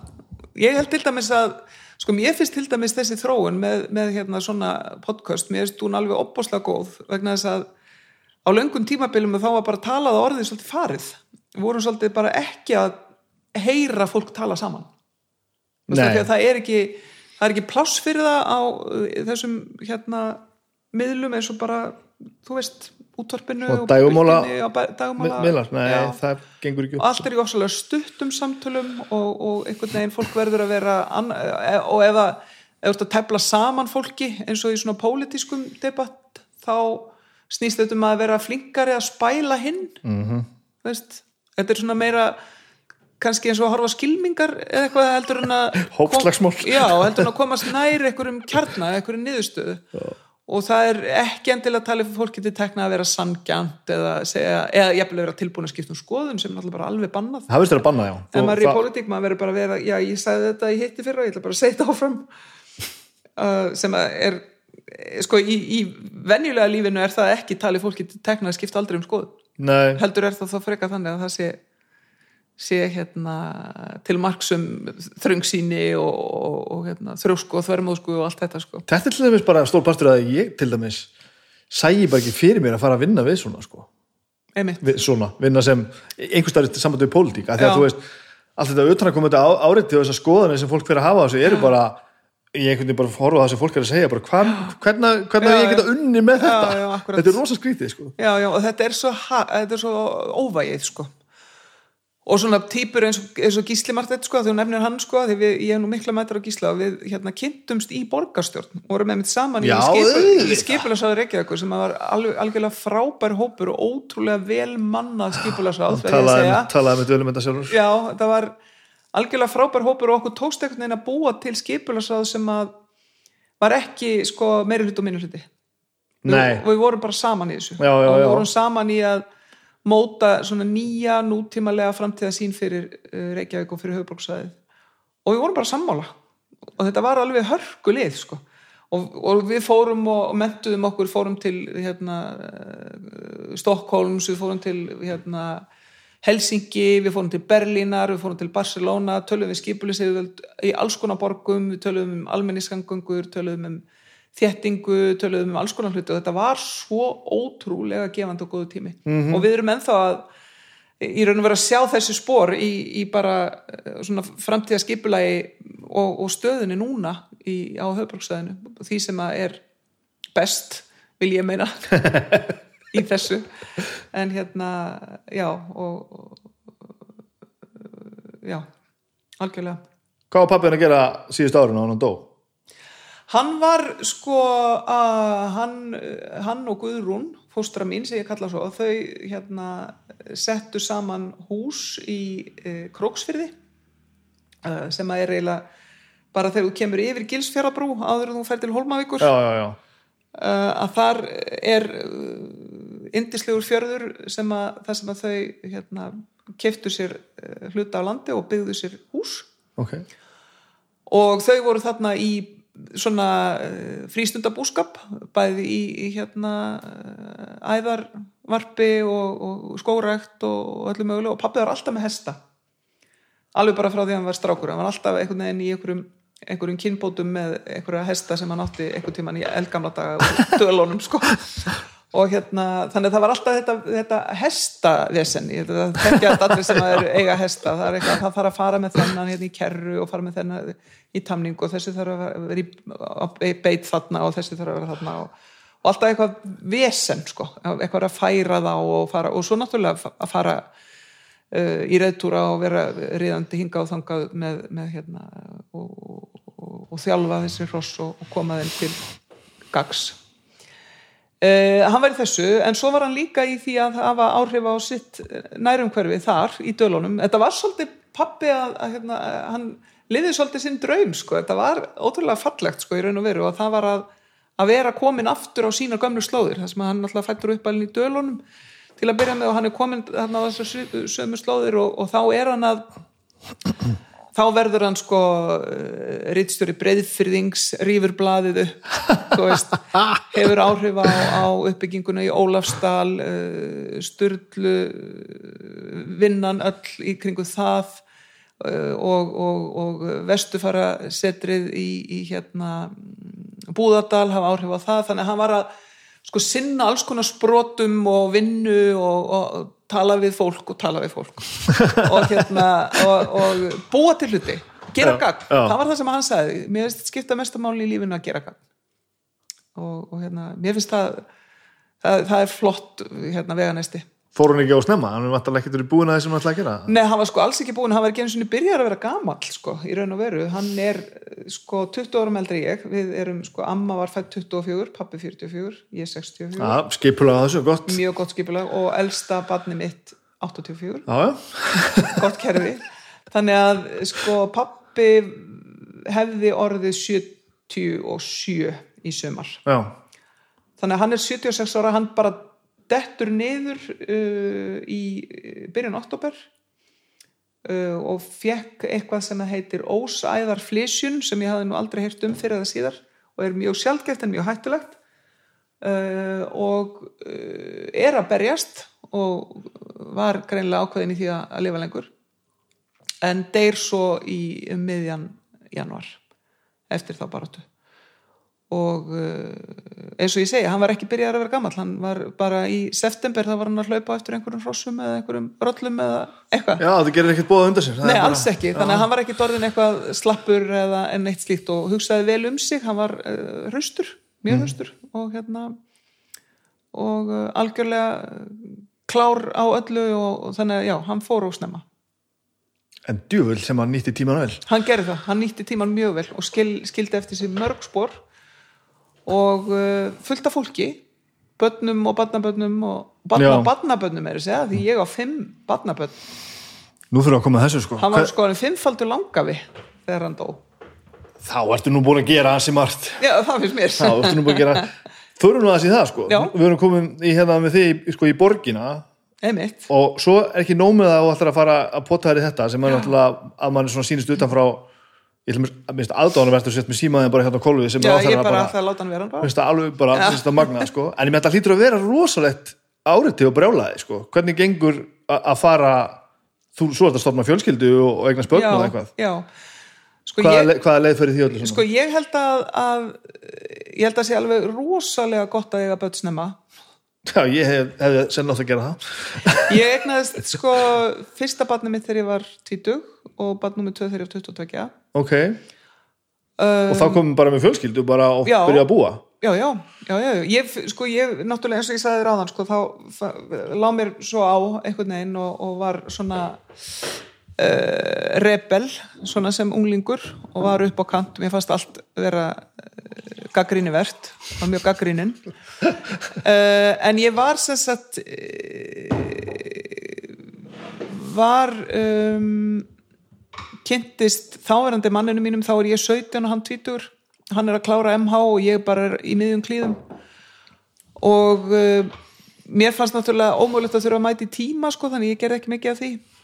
Og var meira bara eitthvað að kjafta því mér fannst það meira gaman. Það er alltaf þess mjög gaman að kjafta uh, og þannig að eh, mætingabókaldi var nú svolítið svona, svona svona hjá mér í skólanum sko, þannig að það var einhver kannski var að námsagjafi, ég man ekki hvað það var sko, einhver svona sem að var eitthvað að reyna að tala mig inn á það að það væri nú sennilega gott að ég mætti meira og mætti betur og svona. Og ég uh, var með tilbúð sem að mér fannst miklu betra sem að var það að ég erði utan skóla. Og ég myndi þá bara mæta í próf og svona, það myndi bara sleppa og var það bara svona þegar hendaði þér varstu, sko, varstu með einhver rök? Ég, gott, mjög góður spurning sko, var ég með rauk, færðu rauk fyrir því? Já, ég nefnilega var komin á séns og, og hann var að vera búinn með MH þannig að við fengum þessa frábæri hugmynd að flytja út á land og þá var ég náttúrulega bara gati alls, alls ekkert mætt í skólan þannig að við fórum sem sagt á hellu þar sem að hann var að kenna uh, var aflýsingakennari og þetta var náttúrulega mjög mikið gert á þessum tímum að, þessum tíma, ungt fólk fór út á land að kenna og þú veist, þú fór, kláraði stúdentin og svo fórst út á land og kendir bara eh, mjög inn að gæsalappa á köflum en, en þó einhvern veginn. Og, uh, og ég fór að vinna í grillskálanum á hellu að stekja hambúrgara og búti bleika sósu og svona vega sjópusalat og, og hérna ananas var mjög vinsæll á þessum tíma. Ananas var bara einhvers konar bara uppgötum ananas var með kjúklingnum ananas var á hambúrgaranum ananas var í samlokunum. Þú veist íslensku hérna bara gott þarna kveitibröð eða, eða heilkveitibröð kannski, nei, held bara fransbröð skinka, ostur, ananas. Og sett svo í eitthvað svona grill. Ananas á hambúrgaran og svo var sko vökvinn úr ananas stóðsynni notaður út í hrásalati það var sko full nýting engin matasóðum þar. En ég var sérst þarna í grillskálanum á Hellu uh, að vinna í halvan vetur og, og hann var að vinna í að kenna í grunnskólanum og ég fór svo bara í bæinn og, og tók próf og, og sendi reitgerðir í, í hérna posti, var bara með reitvél, þetta er ekki 1846 en þetta var samt svona.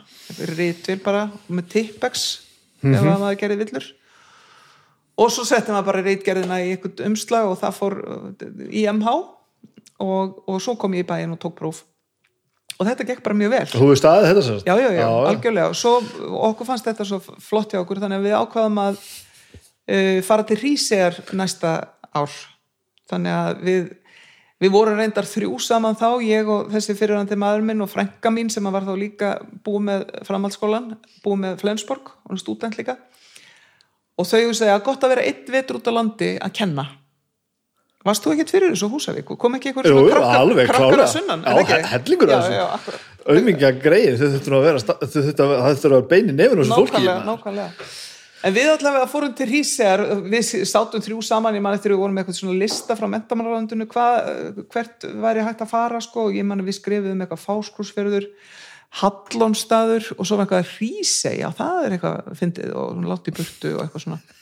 Já, best að gera það. Og ég ætlaði bara að vinna í frístugusinu því ég var náttúrulega bara í mentaskóla hann er ég náttúrulega að verða 18 ára þannig að, þannig að ég fullorðnast mjög hratt og, og þau voru þarna komin í kennslu og, og, og svari kemur semst frá Hrísei fimm kennarar þar voru þau tvö og, og svo tveir reyndir kennarar og við erum svo komin á fyrsta fund hjá væntanlegum skólastjóra við þrjú.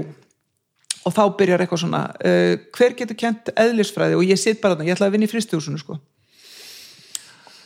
Og þá segir einhver ég held að Svandís geti kent eðlisfræði. Og ég bara, já, ég hugsa það ég get alveg kent eðlisfræði, þetta er ekki samt. Jú, ég held að Ertu Eh, átjánara já, Það en er- getur það kannski kent líffræði líka njá, jú, jú ég getur líka gert það. Svo allt í einu er ég farin að kenna eðlisfræði og líffræði og komin í, inn í stundatöfluna sko, kom með stundatöflu og ég hugsa, já, það var ég bara eitthvað að vinna aðeins minna í fristúrusinu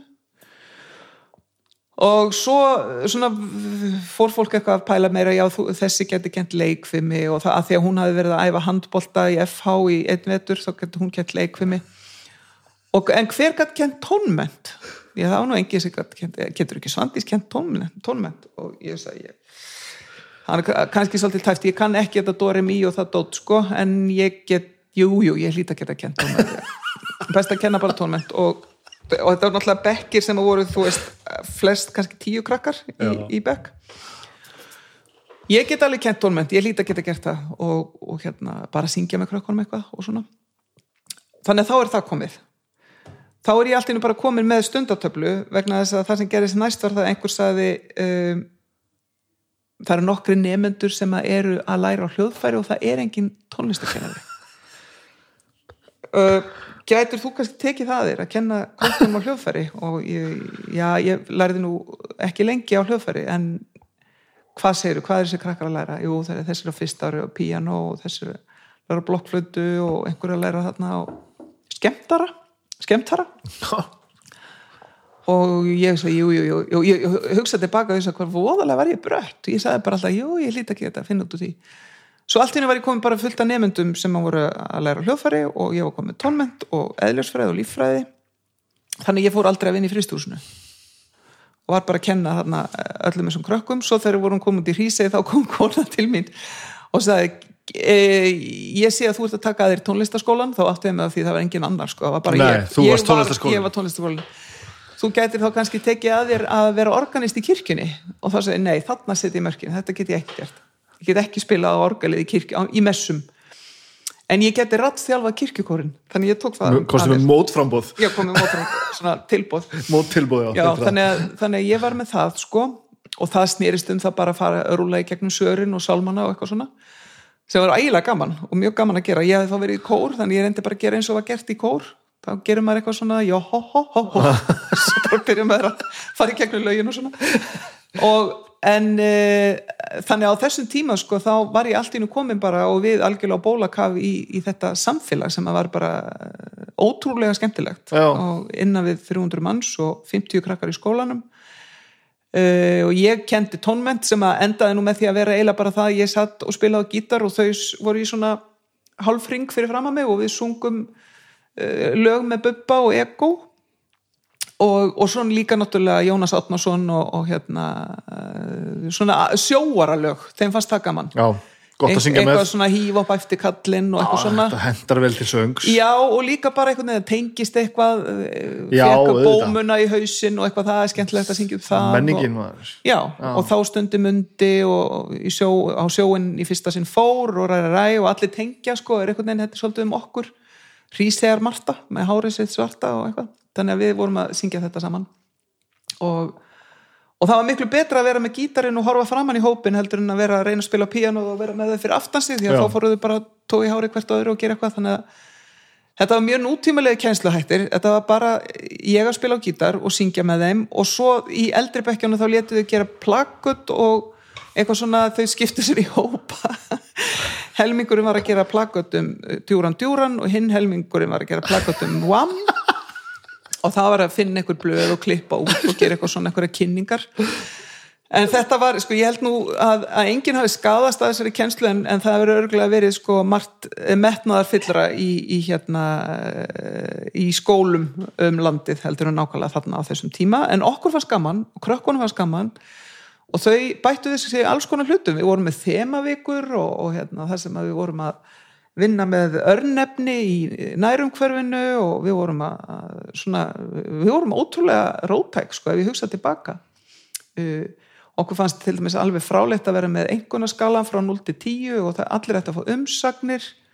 Og þannig ég stundum að hugsa hvaðan vorum við með þetta allt saman? Og allar þessar pælingar einhvern veginn um það hvernig skólar ætti að virka og, og allir ætti að njóta sín og eitthvað svona. Þannig að við, við fórum alveg á kafi í samfélagið og uh, vorum þáttakandur til í leikfélaginu og sem að setja upp þarna blessa barnalán fyrir árið, þá var ég nú ekki með en setna árið þá settum við upp deilur í búbónis og, og hérna Með allri músíku til þetta með allri músík og tilirandi og, og, og hérna uh, og ég spilaði piano og, og hérna rafvirkinn spilaði bassa og, og hérna einn útgerðamaður spilaði trommur Það þarf nú að þess að æfa þessa tónlist Þetta er er alveg, ekki, er er alveg einföld, forward en það má nú guttlast framhjáði með því að bara leggja hljómana sko, Já. að vera bara nógu svona frjálslegur í því en og svo skrifaði ég út fyrir bassalegaran bara, ég skrifaði bara hérna tónana fyrir hann sko, bara hérna D, G og svo gerir þetta og svo bara æðið okkur áfram og, og þetta var bara alveg nógu gott sko. Já, og við fórum með þessi í síningaferdi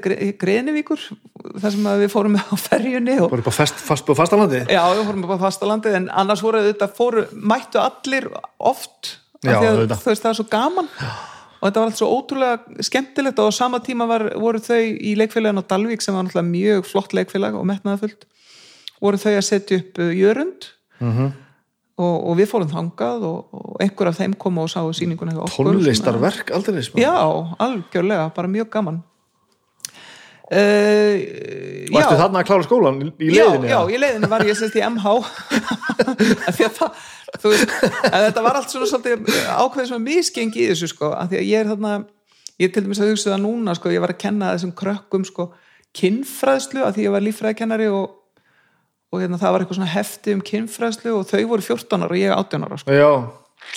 En við leistum það með því að þau máttu skrifa spurningar og setja í kassa það sem að var, sást ekki hver skrifaði hvað en þau voru bara fimm þannig ég vissi alltaf hver að já, skrifaði en, en uh, ég var ennþá vini frá þessum tíma og, og þetta er náttúrulega jafnaldra mín þessi krakkar. Já, nákvæmlega. Um, en svo vorum við ákvaðan við að vera annan vetur og setni veturinn einmitt þegar við erum þannig í deilurinn bóbónus þá er ég orðin ólétt af mínum fyrsta. Þá er ég 19 að vera 20 og svo fluttum við suður og, og, og eignuðist aðra eh, annað bann tveimur árum síðar og við fyrum í háskólan og, og erum þar.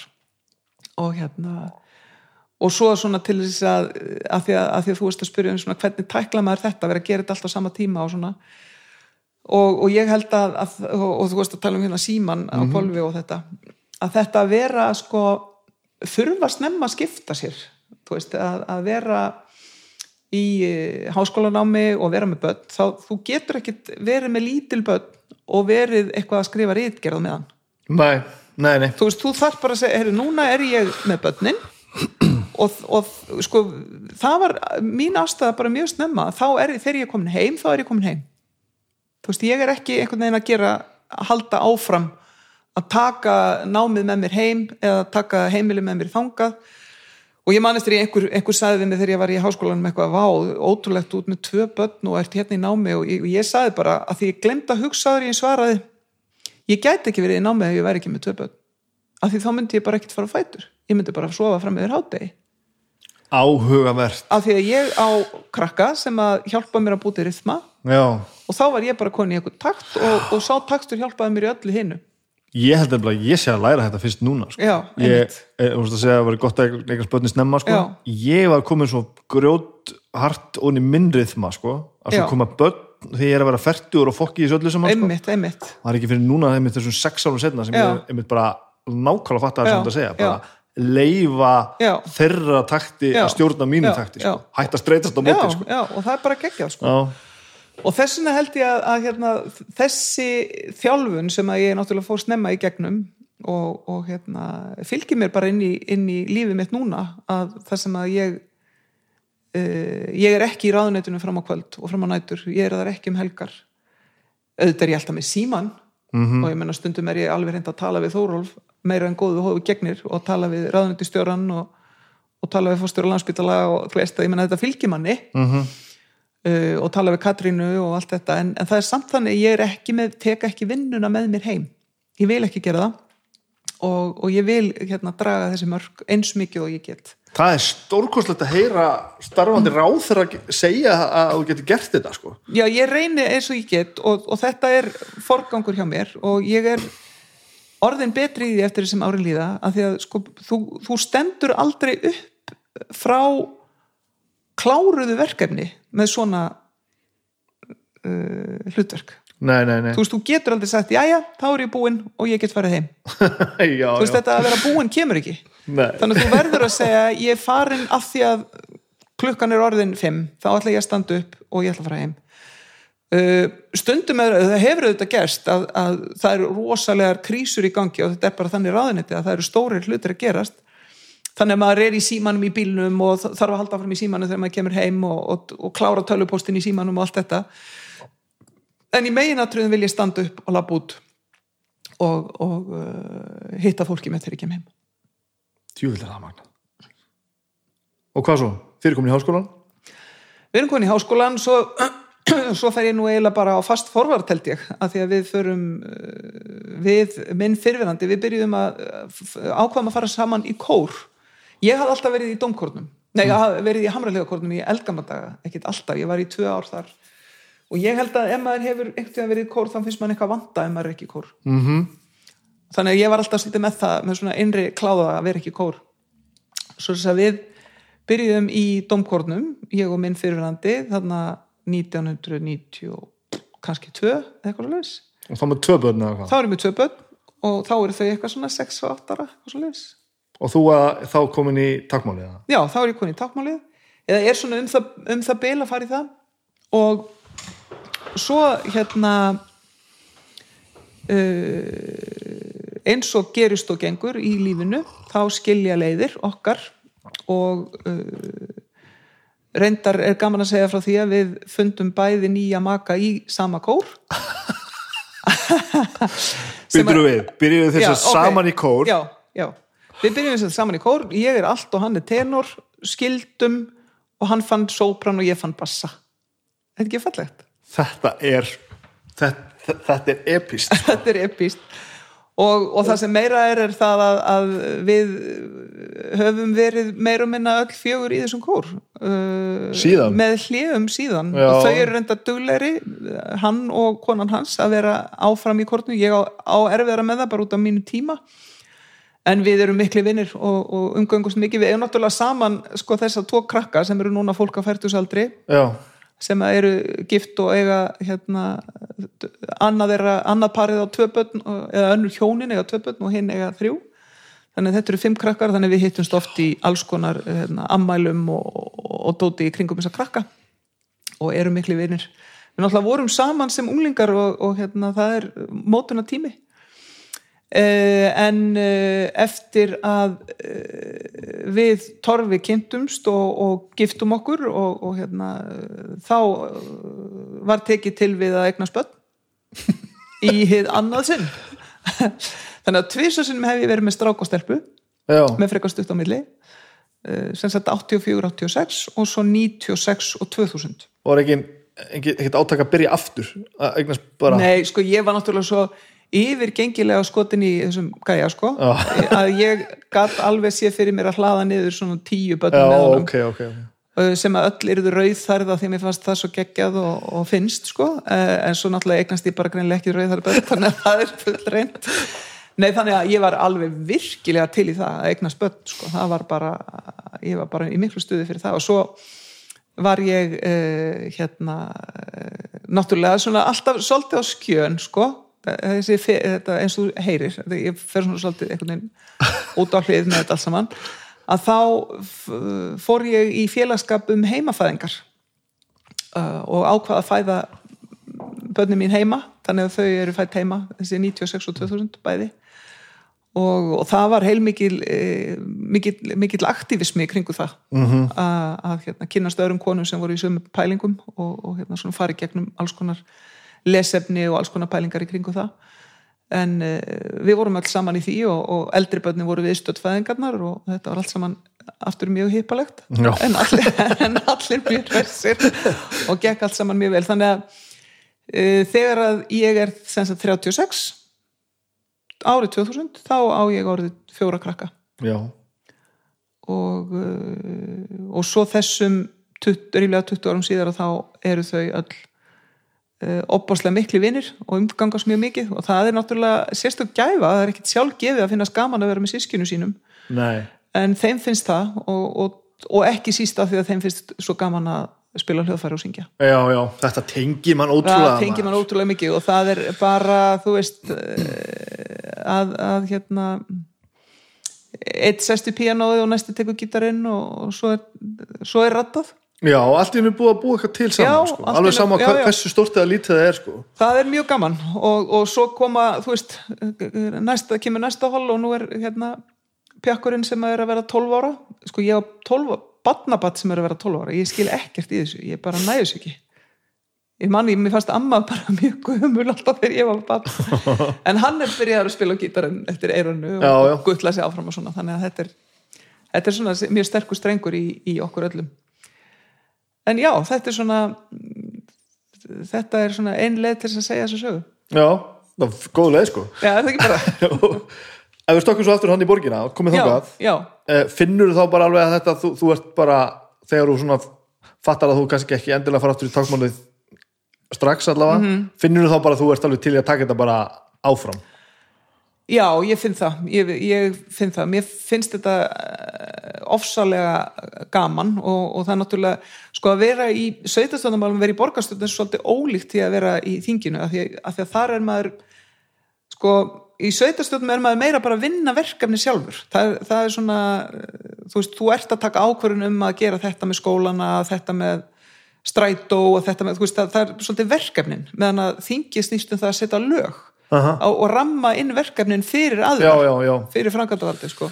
þannig að það, það er ofsalega að því að þú varst áðan að tala um þetta með að hérna, sjá hlutin að gerast hratt. Að maður sér hlutin að gerast hraðar þegar maður er í sveitastjórnum Já. heldur en þegar maður er í þinginu. Að því þinginu kemur frumvarpi og svo þarf það að fara í umsögn og svo þarf það að geta þetta og fyrsta önnur og þriði umræða. Svo eru greit atkvæði og svo da, da, da, og þá eftir að setja reglugerð og, og svo einhver tíman byrjar þeirra kannski að gera eitthvað sem að byggir á lögunum eða, eða þá að lögin eru náttúrulega til þess að ákvarða bara ramma utan um tiltekna hluti. Þannig að mér fannst það mjög gaman en svo gerist það að, að e, þessi sko ég byrjaði þann 2006 og þetta er þetta tímabil þegar það er stöður að skiptu meiri hluti í borginni, ég veit ekki hvort þú manst eftir þessu. Það var allt í volli þarna. Jó, það, ég það man, var, það var bara fimm, bara fimm borgarstjórar á, fjó, á Já, tveimur árum eitthvað, eða þetta var eitthvað. Það svoleið sko. það, það var sem sagt þegar reymálið var hjá Orkuveitur rétt. Ég var þar í stjórn Orkuveitunar þetta var 2007 uh, meiri hlutin fellur uh, dagur verður borgarstjóri í 100 daga. Já, og ég er þarna formaði skipulasrás í 100 daga og svo allt í einu verður til nýr meiri hluti og Ólar F. Magnússon er orðin borgarstjóri, þetta var allt eitthvað mjög uh, svona mikla sveiflur á þessum tíma. En ég hef nú stundur sagt sko að reymálið var í raun og veru svona eh, var, var í raun og veru svona hérna, hrunið á minni skala. Þetta snýrist um það að, að hérna, það verður svona ákveðið, ákveðið svona trúnaðabrestur í samfélaginu að því að, að því að það var stóð til að, að í raun og veru orkuður reykjavíkur að hluti af orkuður reykjavíkur yrði uh, nýttur í, í eiginhagsmunaskinni uh og, og við stoppuðum það. Uh, og svo er ég þannig alltaf í stjórn orkuveitunar og svo haustu 2008 þá byrja náttúrulega alltaf uh, sko smám saman þá finnum við fyrir hruninu sko. Já, já, já og uh, það náttúrulega var heilmikið álag á, á orkuveituna á Reykjavíkuborg og svo framvegis. Og Hanna Birna var þarna orðin borgarstjóri og við byggum til einhverja aðgerða átlum borgarstjórnar sem að snýrist um það að vinna þvert á flokka, passa upp á störfin hækka ekki gjaldskrár vorum með einhverju svona hvað ætluðum við að gera til þess að passa upp á íbúana sem var þvert á flokka. Við gerum þetta saman, meirhlut og minnluti og svo bara finnum við að ríkistjórnin er að falla veist, það bara gerist eiginlega um eða upp úr áramótum. Og og, uh, og þá smám saman verður okkur alveg ljóst að það stefnir í kostningar eftir, eftir hérna búsaldabildinguna og allt það. Og, það, og maður var bara þarna, maður var bara það sem að þessi aðarsláttur var í gangi. Uh, á Östurvelli fyrir utan þjóðlíkuskjallaran uh, á þessum stöðum öllum þar sem að þessi sögulegu viðbyrðir átt sér stað og þá uh, fann ég það bara að, að vindurinn blés mér bara inn í þann slag. Veist, það var bara svoleiðis að ég gaf kost á mér -hmm. til þess að leiða annan listan í Reykjavík í, í eh, þinginu. Já, og það gerist þá í raun og veru 2009 þá er, þá er kjörtímabilið ekki búið í nei, borginni. nei, nákvæmlega. Þá er ég bara allt í einu komin þarna.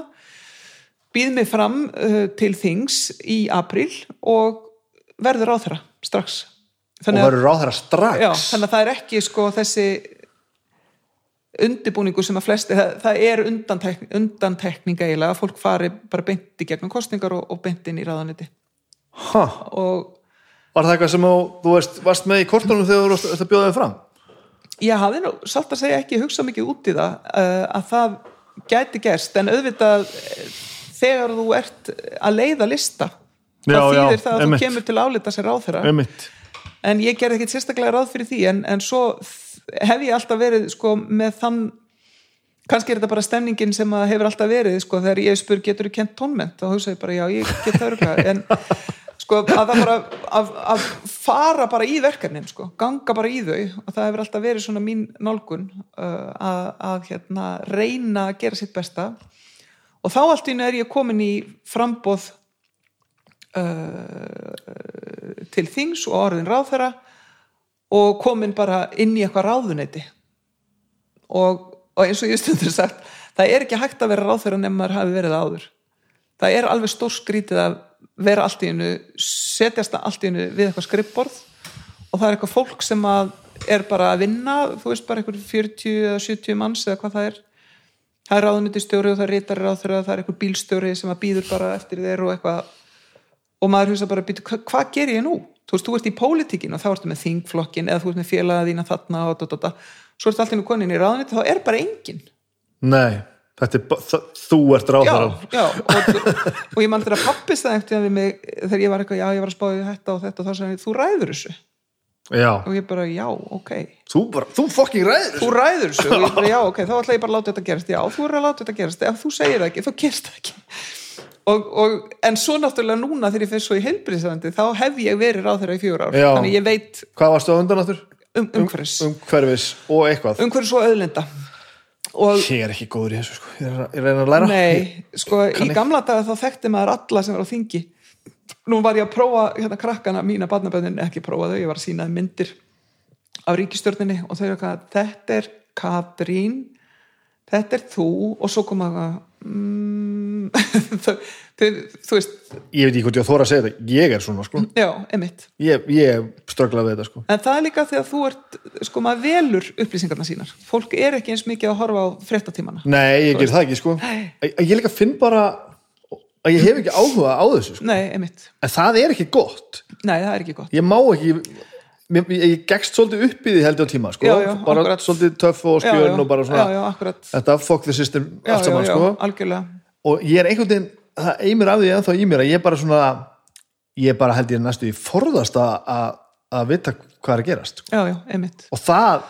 það er ekki gott það er ekki gott það er ekki gott þetta er eiginlega svona eh, svolítið eins og bara í eins og maður talar um við krakkana sína sko í skólanum að, að eh, ef þeir eru ekki sama þá verður að taka þátt það er fjandarsmálið sko. Já. það er ekki leiðin að, horfa líta hinn áttina sko. nei, það er það ekki en þú, þú veist, þegar þú ert komin svolítið þá sem, sem, sem ráðherra mm. -hmm. bursi frá það að þú veist þú sést svona svolítið bara mættir í vinnun og bara, ó, hvernig er þetta allt saman Einmitt. er þetta ekki, bara svona sem manneski er þetta ekki svolítið yfirþyrmandi, verður maður ekki bara ég, ég er ekki kannski að tala um vannáttakend en þetta lítur að vera, þú veist Jú, sko þetta er aðalega bara opbúslega framandi þetta er opbúslega framandi að, að vera allt í, þú veist, þú ert sko það fyrsta sem gerist er bara þú ferð á bílnum þínum eigin og svo allt einu er þið sagt já, bílstjórin sækir þig heim.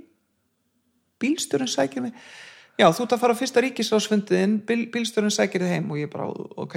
Og svo hitti ég skúla sem er náttúrulega bara vinur minn í dag kerði mig í fjögur ár.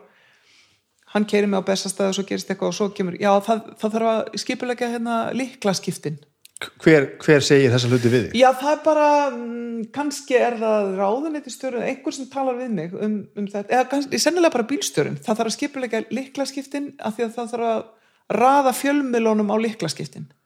Að Þeir, nú- þur, þeir þurfa að ná mynd af því þegar þú fær líkilinn. Það er bara asnalegt, þetta er bara eitthvað gamla dag, já, ég er með líkilinn Jú. á þessu ráðuneyti, þú veist, það er ekki með einhvern lík. Þetta er svo pínufallegt, ég er Þetta er svona, þetta er svona svolítið gamlu dagalegt og fínt sko. Og þá, þá og, og svo gerist það svo, uh, réttir, svo kemur inn í ráðanett og þá færðu blómvönd og eitthvað og allt í nú eitthvað lekil með það símtal. Byttu við. Ég held ég verið með þetta sælend að þetta var Þórólfur.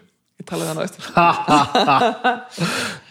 En hérna já og svo, svo þá er, er, ertu bara sko, er maður bara bóðar á fyrsta fund og fyrsti fundur er með ráðunitustjórun sem fer yfir öll verkefnin sem ráðunitið er að vinna og það er svona þykk mappa. Og maður fær bara svona hvað minn almatur, Já. þessi lög, allar þessi reglugerir allt þetta dót og þetta er þitt verkefni núna. Þú ert með þetta. Ok, og þarna sko að þessum tímapunkti þegar allir eru auðvitað á bólakafi við erum í efnarsrunni, við erum í raun og við erum með sko bara sjálfstæði landsins bara á bara á hengifluginu sko. Þú veist ég menna, engi vildi lána okkur peninga og við þurftum að skera niður í öllum kerfum og þetta var bara hrikalegt verkefni. Og, og minn formaður er fjármálar ráðherra þannig að ég er ekkit að fara að segja er stengur mig, viltu aðeins útskýra fyrir mig hvernig maður á að vera ráðherra? Af því að hann bara nóg annað að gera. Þú veist, og Katrín er bara að finna út úr sínu og aðrir eru bara, allir eru bara í sínu. Allir eru með sko haugin á borðinu sko til að plæja sig í gegnum. Og þá var gott að eiga pappa já, já, já, auðvitað. Og þá, þá segir hann sko þú skalt bara byrja á því, settu nú niður fyrir þér hvernig út, út, út, hvað þú vilt gera og, þú veist, og þá var hann minn mentor, bara ekki, ekki gagvart sko endilega því hver verkefni voru, heldur hvernig maður er þetta nálgast þetta. Þú veist, þá, er- þá er ég bara býið við það að vera með svona svakalega reyndan stjórnmálamann sem að hafi verið ráðherra sjálfur. Þú veist, hann hafi verið viðskiptaráðherra uh, heilbriðisráðherra, félagsmálaráðherra og mentamálaráðherra já, vá, já, vá maður. Skilur þannig að hann bara, hann bara segir þú gerir þetta og, og ég kunni bara, þetta bara allt. Ok af því að þú veist, ef að það var einhverstað námskeið til í því hvernig maður ætti að vera ráðherra, þá var það þarna. Bara tvekja tíma spjallir við pappa já, bara tölum saman í tvo tíma og finnum út úr þessu. Það var aðeinslegt en á, hin, á hinum endanum lendir maður ekkert auðvitað náttúrulega sjálfsvölda persónum og allt saman. Já, tekur hegóminn aldrei yfir verður maður ekki ægilega ánæði með sig að vera, vera fokking ráðherra sko? Þetta er svolítið stórt mál. Já, já, þetta er alveg stórt mál og, og maður finnur sko, ég, ég finn miklu frekar fyrir sko einhvern veginn eh, sko auðmýkt frammi fyrir því að vera með svona stórt verkefni að hafa verið trúa fyrir svona miklu en svo er þetta auðvitað þannig að, að sko að þú tala um hékoman í þessu. Þú veist, ég man eftir ég að hafa verið með síman hérna að, að tala við einhvern blaðamann á vísi og sagt, viltu henda þessari mynd? Hún er ógeðslega ljót af mér. Það sem að var alltaf eitthvað á netinu mjög ljót mynd af mér og öllum fréttum þar sem ég var eins og ég var að halda nýllum anda og eitthvað. Og hann bara, já, ég, þetta var nú ekki ég setti þessa mynd ekki, ég segi, viltu henda henni? Ég fer ekki úr símanum, ég var ekki ráð þegar þegar það var. Ég held að ég hef verið þing, þingmaður. Skiptir ekki öllu máli, þannig að það er auðvitað tómur hérkomi, að Já, vera eitthvað, eitthvað velta fyrir sig hvernig myndin kemur út af manni sjálfum og eitthvað. Það þurfum samt að tala um ímyndamál líka. Já, það það er- er pínu annað sko. það er pínu annað, það er satt. En, en þetta, það auðvitað, það auðvitað skiptir máli að, að hérna, og maður er ekkit lausið það. En, en uh, mér finnst það sko svolítið áhugavert að því við erum að tala um þetta hver, hver þekki, hver veit hver er ráðherra sko að yfirleitt að þá er fólk ekkert að staldra við það til dæmis eins og með að hitta mig eða eitthvað svoleiðis verið eitthvað bara já, góðan daginn. Þú veist að því að fólk veit ekkert og ef, ef ég er komin þú veist, ef ég fer í búðir eða eitthvað, það er enginn sem, se- sem segir eitthvað bara, ú, ráðherran mættur hérna í Elko eða eitthvað. Það, að því að fólk veit ekkert hverju eru ráðherrar. Það er ekkert þannig, þú veist, á Íslandi. Það, það er bara, ég fór einhvern veginn í klippingu og já, eftir að vera að gera eitthvað sérstætt, sagði stelpan sem var að klippa mig. Ég, já, ég er að fara í sjónvarpið í kvöld Já, já, já, já, og hvað ertu að fara að gera? Ég, ég er að fara í, sko, það er svona, hérna, pólitísku þátturum, hérna, það eru kostningar á morgun. Já, og ert þú í pólitík? já, já, já. Já, já, já, já, já, já, og hvað ertu að gera? Ég er á þeirra.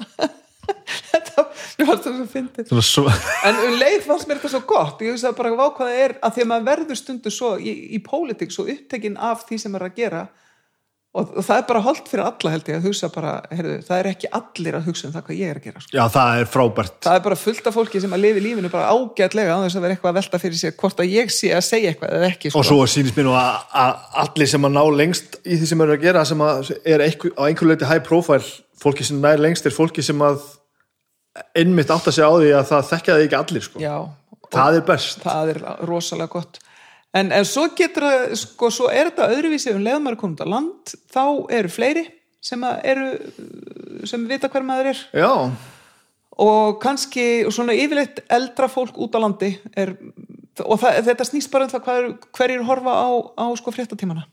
Já, ok, ok, veist, ok, þetta okay. er eiginlega bara sáhópur um, sem að, sem að uh, veit hverju maður er. En, en, en uh, þess, þetta sem þú ert að velta fyrir er kannski frekar sko hvort að maður finnur til sín. Ég held ég sé að tala um það, já, er það ekki, þegar Jú. maður er með svona já sko þetta, þetta er rosalega áhugavert sko, þegar maður situr til dæmis alltaf við borðsöndan og maður er alltaf að stýra fundunum. Maður er alltaf í þeirri stöð þú veist, þú getur ekki einhvern veginn, að ég ætla bara að sjá hvernig þetta fer. Nei, þú ert alltaf með undir stýrinu en auðvitað ekki ríkistjórn þar er hérna fórsetis á þeirra með það. Já, já, en, en maður er alltaf undir stýrinu og, og, og ber alltaf ábyrð þegar allir á bátningkvöld og, og þá getur maður stundum orðið sko þú veist, oh, ég vildi að hlutinni gengju betur og hraðar og maður fær svona yes minister tilfinninguna sko.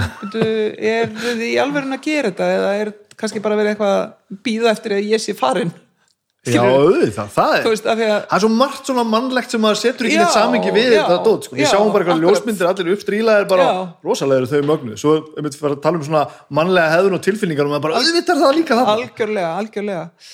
En, en í grunninn sko þá, þá segja mér það allir sem að vinna í eins og sem vinna í stjórnaráðinu og eru að vinna með ráðherrum og svona segja sko ef að ráðherran veit hvert hann er að fara ef ráðherran er með eitthvað plan Mhm. að að já, þú veist, ef það er eitthvað svona, eitthvað svona stefna og eitthvað þróttur, eitthvað áhuga á verkefnunum eitthvað svona bara gerum þetta að þá er stemning, þá er gaman í liðinu. Bara eins og allstaðar þetta er svona eftir höfðinu dansa liðmyndir ef, að- ef að það er eitthvað svona nú erum við að gera þetta og koma svo allir saman og frábært og þið eru geggjuð og eitthvað svona þá er gaman. Já, og þannig að sko ég sko sumuleiti finnst mér sá partur uh, skemmtilegastur að það er að vera svona liðstjóri já, já, veist, þess vegna finnst mér alveg ótrúlega gaman að vera þingflósformaður það sko það, það er náttúrulega sko rosalega mikil kás að þingið er algjör sko, algjört ruggla á köflum af því að það er svo mikil þú veist, aldrei hvernig dagurinn þróast og hvað gerist og hva, hver fer upp og, og hver segir hvað og eitthvað svona. Þú þarft að halda utan í liðið þitt þú þarft að láta öllum finnast uh, og upplifa að þeir séu að uh, leggja sitt að mörgum það séu allir partur af einhverju séu allir mikilvægir á einhvern nátt Uh, þú þarf að passa allir sér í húsi það þarf að greiða atkvæði, það þarf allir að vera í húsi það má engin fara og það má heldur engin vera þannig að honum finnst eh, erfitt eða leiðilegt eða eitthvað svona. Og þarf að passa og ok, það er eitthvað að hér, það tala við hann og þetta er svolítið svona bara eins og fótboltalið eða, handboltalið eða það einmitt. og, og það að vera svona liðstjóri það, það höfða rosalega til mín. Já, að, að hérna, láta allt ganga upp alla vera saman einhvern veginn og að niðurstaðan séu þannig að fólki líði þannig að það sé þáttakandi í því að, að hafa komist að niðurstöðu. Bara eins og með fjölskylduna Já, að, að bara allir bara hvað er að borða í kvöld og ef að hafa kósi í, í kvöld og hvað, hvað finnst ykkur? Og pizza segir hvað segir, mm, en þú? Ja, skýr, já ok, getur, við fundið út úr þessu? Hvernig hefur hafa þetta? Þannig að okkur líði öllum eins og það hefur verið partur á okkar plani ég held að við sem ekkert vitum, eða minna vitum sko, ég held að við gleymum ofta að hugsa um þetta sko. ég held að við sjáum Já. þetta sem eitthvað, eitthvað miklu kaldara og svona formfastara og lausara við tilfinningar og, Einmitt, og, og einmitt. þetta mannlega sko. já, já. en það er, það er það sem er sko eh, það sem er skemmtilegast í þessu það er, það er mannlegi þátturinn sko og þetta með að, að sem að hefur alltaf höfð- höfðað svolítið til mín að það er að vita ekki alveg hvernig hlutinni fara sko. það er að það er einhvers konar svona svona óreiðu sko það verður að vera einhver óreiða mm Þú veist, að, að, það er svo mikil sköpun og spenna í óreiðinni já, já, veist, ef að við erum búin að svoleiðis þaulskipulegja alla hluti, þá getum við bara því sko. þú veist, maður verður einhvern veginn að og þegar það er fullt af fólki komið saman, það sem allir eru með skoðanir og all, öllum finnst eitthvað, þá er alltaf eitthvað sem getur farið öðruvísi heldur en þú helst mm og það er gaman, það er áhugavert þess þá vera til nýju hlutir. Leðu þú stefnir saman hérna, þessum finnst þetta þessu, þú- ég meina þú þekkir þetta í músikinni. Þegar eitt sest niður og prófar einhver, einhver, einhver hljóma og annar kemur með eitthvað bít og þá verður allt inn til eitthvað. Eitthvað sem þú bjóst jafnvel ekki við sko. og hefði ekki orðið til ef þeir hefðu verið í síkvöru herbygginu nei, nei, en það var til að þeir komu saman og sá þriði fór að hugsa já, heyrðu byrju, þá dættu mér í hug hérna, mm, að núna gætu við til dæmis verið að syngja um eitthvað mm og þetta er bara sama á, pappiðin og tvekja tíma samtölin Akkúrat. og kemur bara með það sem þú ert að hugsa um akkurat núna Já. og varpar í svona svolítið markvist á einhvern annan Einmitt. og fær bara einhverja, einhverja endurgjöf og bara, herðu, auðvitað já, og kveikir eitthvað, já, eitthvað ótrúlega magna sko. og það er frábært að vera þáttakandi því hrikalega gaman og hvað, þú veist, hvað gerir svo þú veist, þegar maður er nút úr ráðherra að gera það sem þú ert að gera og þú veist, er alltaf fulluð eitthvað. Veit maður eitthvað hvað gerist svo næst? Hvað verður ára eða nei, eitt ára eða, þú veist? nei, alls ekki. Og er það ekki eitthvað líka sem er yfirþyrmandi?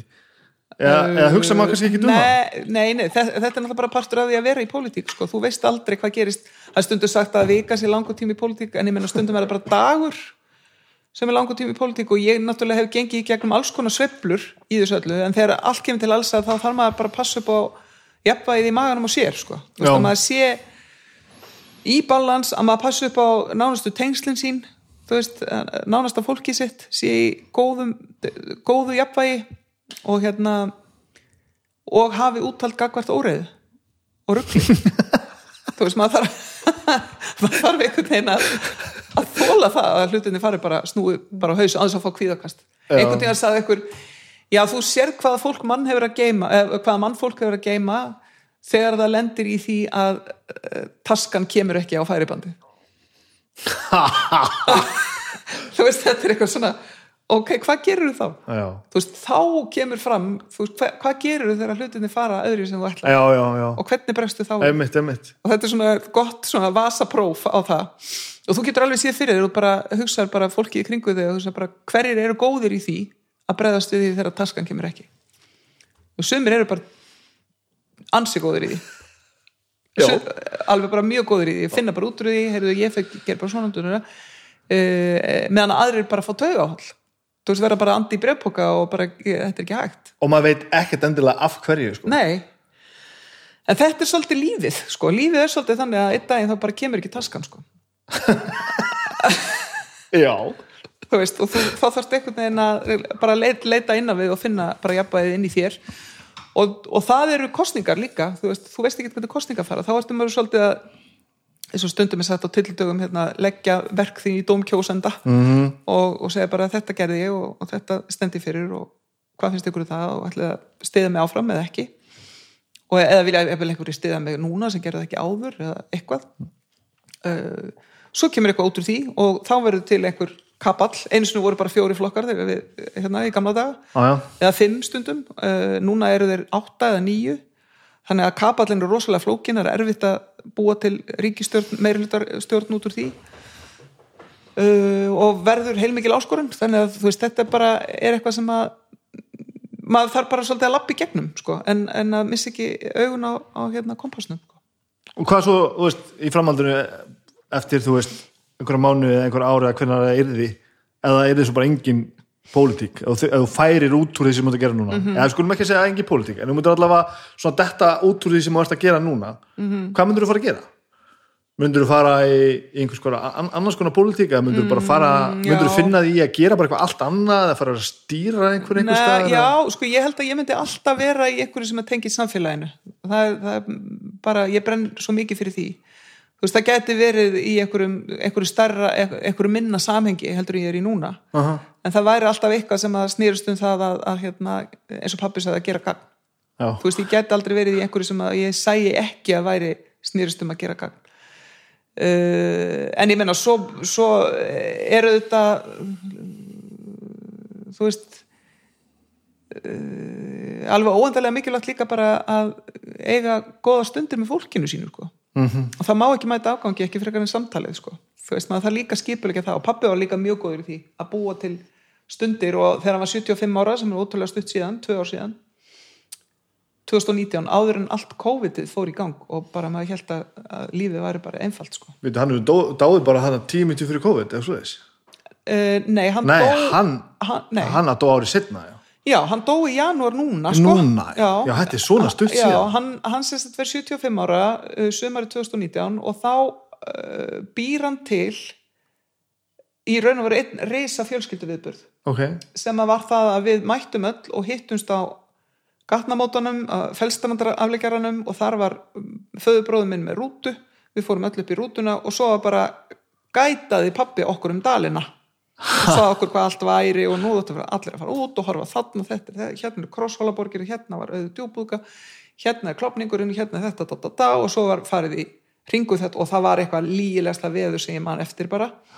Og ég man alltaf eftir ég var eitthvað einn í hópnum sko og náttúrulega mjög mörg sem sagði, kemur örnin aldrei hingað? Og þá bent eitthvað svona upp í fjallið, jú, til dæmis núna það bara sveið ykkur hæðslur örn þannig svona Lord of the Rings Já, það moment var alveg ótrúlegt sko. Svo borðum við öll saman um kvöldið í blanka lokni úti og eh, í Hólaseli sem, það sem að þau áttu húsið eða eigi húsið við hérna Króksfjörð og, og gistum svo tveimur eða þreimur stöðum þannig að þetta var svona eins og einhvers konar töfrar að ná saman öllu þessu fólk, þetta er eitthvað sem maður hugsar um Djöfull væri gaman ef við öll, færum öll saman, um, legðum hús, færum í rútu, dödöda, og svo bara er þetta bara svona eitthvað sem að maður er eitthvað bla bla bla bla bla.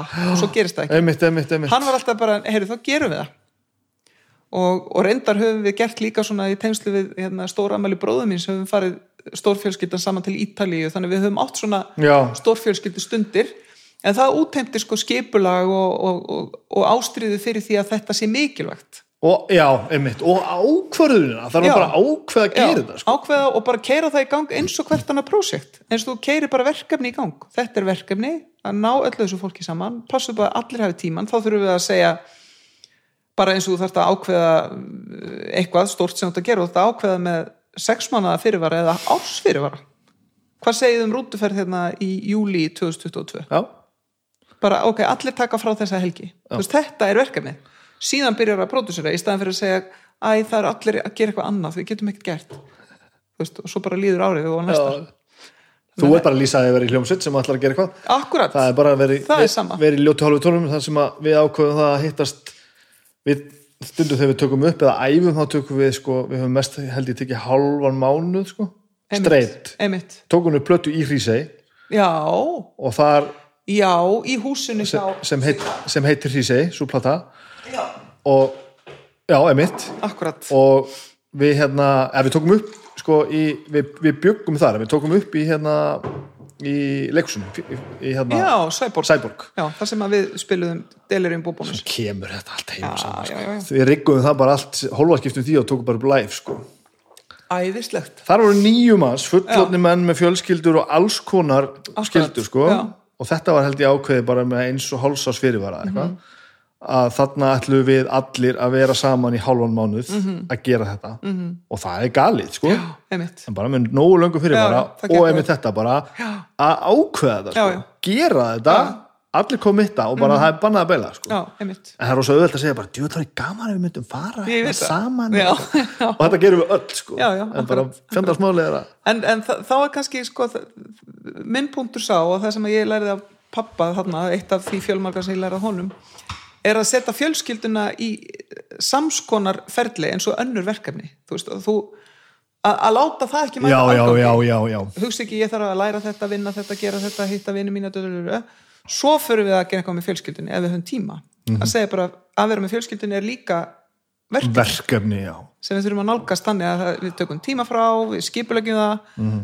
pössum upp á allir njóti sín og, og, og græjum það þannig að, að allir sé pössum upp á einhver takki myndir að einhver gerir þetta og, da, da, da, og þá verður þetta eitthvað. En er ekki svolítið fín línu samt að missa þetta úr veist, þessum fallífu romantísku momentum í bara eitthvað svona skjál, Excel-skjál Jú, jú, það er það algjörlega, algjörlega og við gerðum grína pappa bara, já, já, hvað ertu með ykkur á dagskrá sér Já, já, já. og svona, þú veist og, en, en við bara erum endalust þakklátt fyrir það í dag. nákvæmlega. Að hann skildi gera það. Við fórum við sískinin ég og bræðum mínir með pappa uh, einmitt þegar hann var sjötugur þá, eða reyndar árið setna við, þá gáum við honum það í ammæliskjöf að fara með okkur af því að okkur finnst við svo skemmtileg. Að fara með okkur til Berlínar. Það sem hann náttúrulega þekkti Berlín vel og var þar í námi. Að fara með okkur til Berlínar og, og hérna bara, þú veist, einhver svona fimmdaga ferði eitthvað svoleiðis. Og við vorum sérst ekki með mögum og, og ekki með börnum og ekki með stórfjölskyldu við vorum bara fjögur við sískinni þrjú og pappi og það var fáránlega skemmtilegt. Maður, að því maður gleymist undir þessu að vera einn, sko þegar það er komin fullt af fólki, veist, þú komið börn og maka og alls konar, að þá gleymir maður þessum tengslum sem eru svo dýrmætt að vera bara með sískinu sínum eða bara með foreldri sínu eða eitthvað og vera svolítið tíma þú veist, gefa sér tíma í það. Og þarna vorum við og, og hérna pappi og þá var með, já, ég ætla að sína þá fór yfir þetta allt saman, sko, og svo, svo var program, en svo var líka bara alveg langur tími þar sem var ekkert sérstætt að gera. Veist, þar sem við vorum bara að rangla og eitthvað svona. Og þegar að pappi hefur hafði lausan tíma þá og maður þessu bara hvað er að skemmtilegast sem þú getur ímyndaðar að gera núna? Og þá var það að fara í bókabúð. Að vera í bókabúð og vera lengi. Þú veist, bara vera, þú veist, fara inn í allar hillurnar og skoða og fara niður og fara upp og aftur niður og aftur upp og fara inn í og þannig við hengum svoleiðis í bókabúðum í Berlín að það halva væri nóg en síðan, eftir þessa ferð þá, hann, þá tók hann tvisvarsunum uh, gætaðar ferðir með hópa í Berlín þar sem hann var búin að byggt á þessu já, þar sem hann var búin að pröfukeira á okkur hvernig væri skemmtilegast að í gegn Berlín. Auðvitað að gera það. Já, auðvitað gera það. Alltaf að láta eitthvað, láta hlutir að gerast eitthvað já, alltaf eitthvað verkefni alltaf eitthvað að gera gagn. Þetta er geðveikt. Hvað gerist hjá okkur núna veist, næstu, ég, ekki, ég er ekki, ekki að spyrja þig hvað ákvarðinu verið teknar. Hvað þú veist gerist núna með hérna, samfélagi sem er í gangi núna? Hva, hvað, hvað erum við að fara að gera? Ég, ég, sko, já, það sem við erum að fara að gera núna, við erum auðvitað fyrst og fremst að horfa bara á það að uh, heilbíðiskerfið okkar þóli álægið núna. fyndið, þú breytist allt inn í pólitíkus Já, það ekki, ég var jú, fyrst og fremst allir Já, við nú, bara- uh, þannig er að uh, hvaða fasi er þetta sem kemur á Ég fólk? veit það ekki. er þetta einhver, einhver svona er, er er þetta því að þú ert alltaf að svara því sama eða? Já, kannski, en kannski er maður líka ennþá meðvitaðri um það þegar maður er að tala um þessa hluti að vera ábyrgur.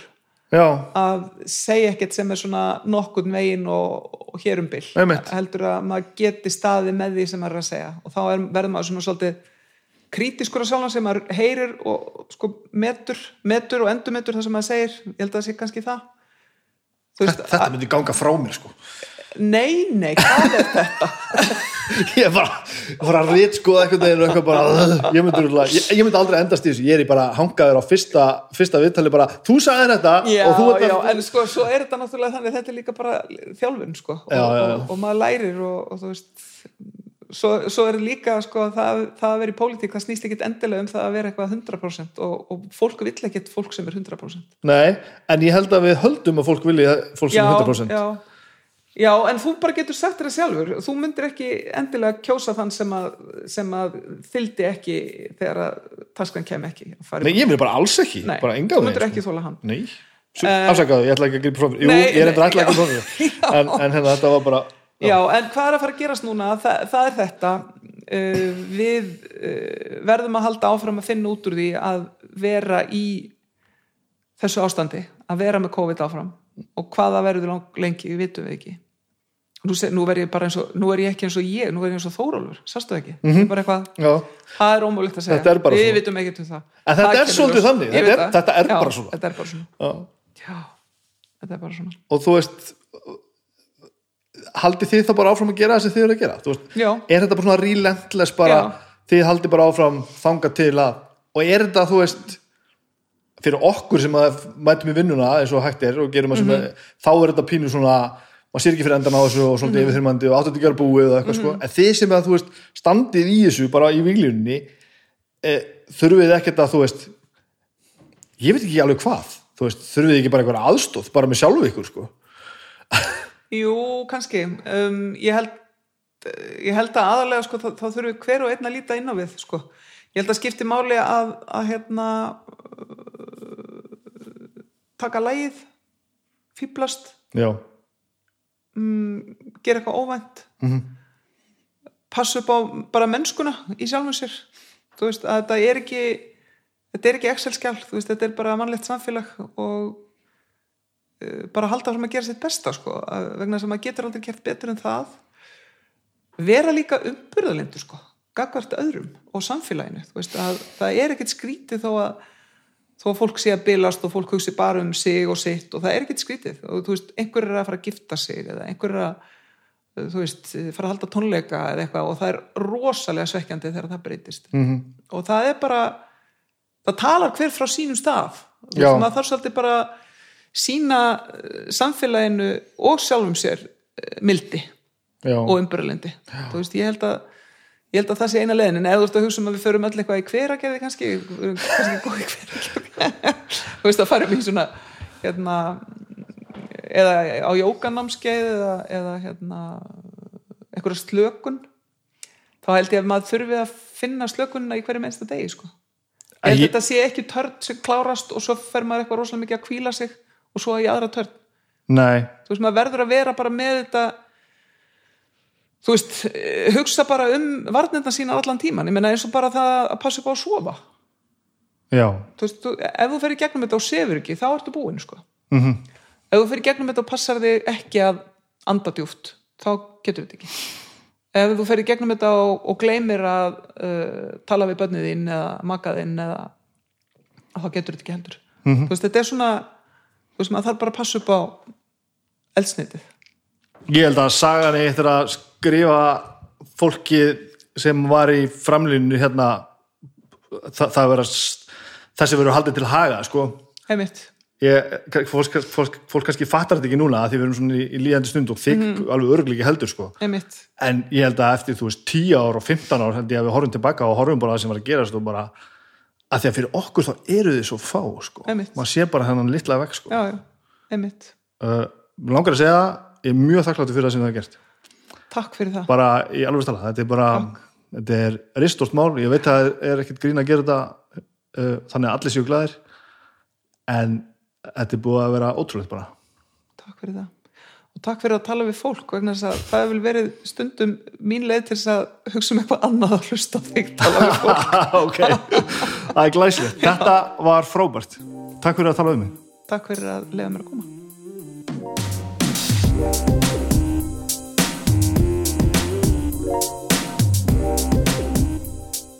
Já, því heyrðu það kannski, ég var næstum því farin að, farin að gráta þarna þegar ég var þakkanir fyrir.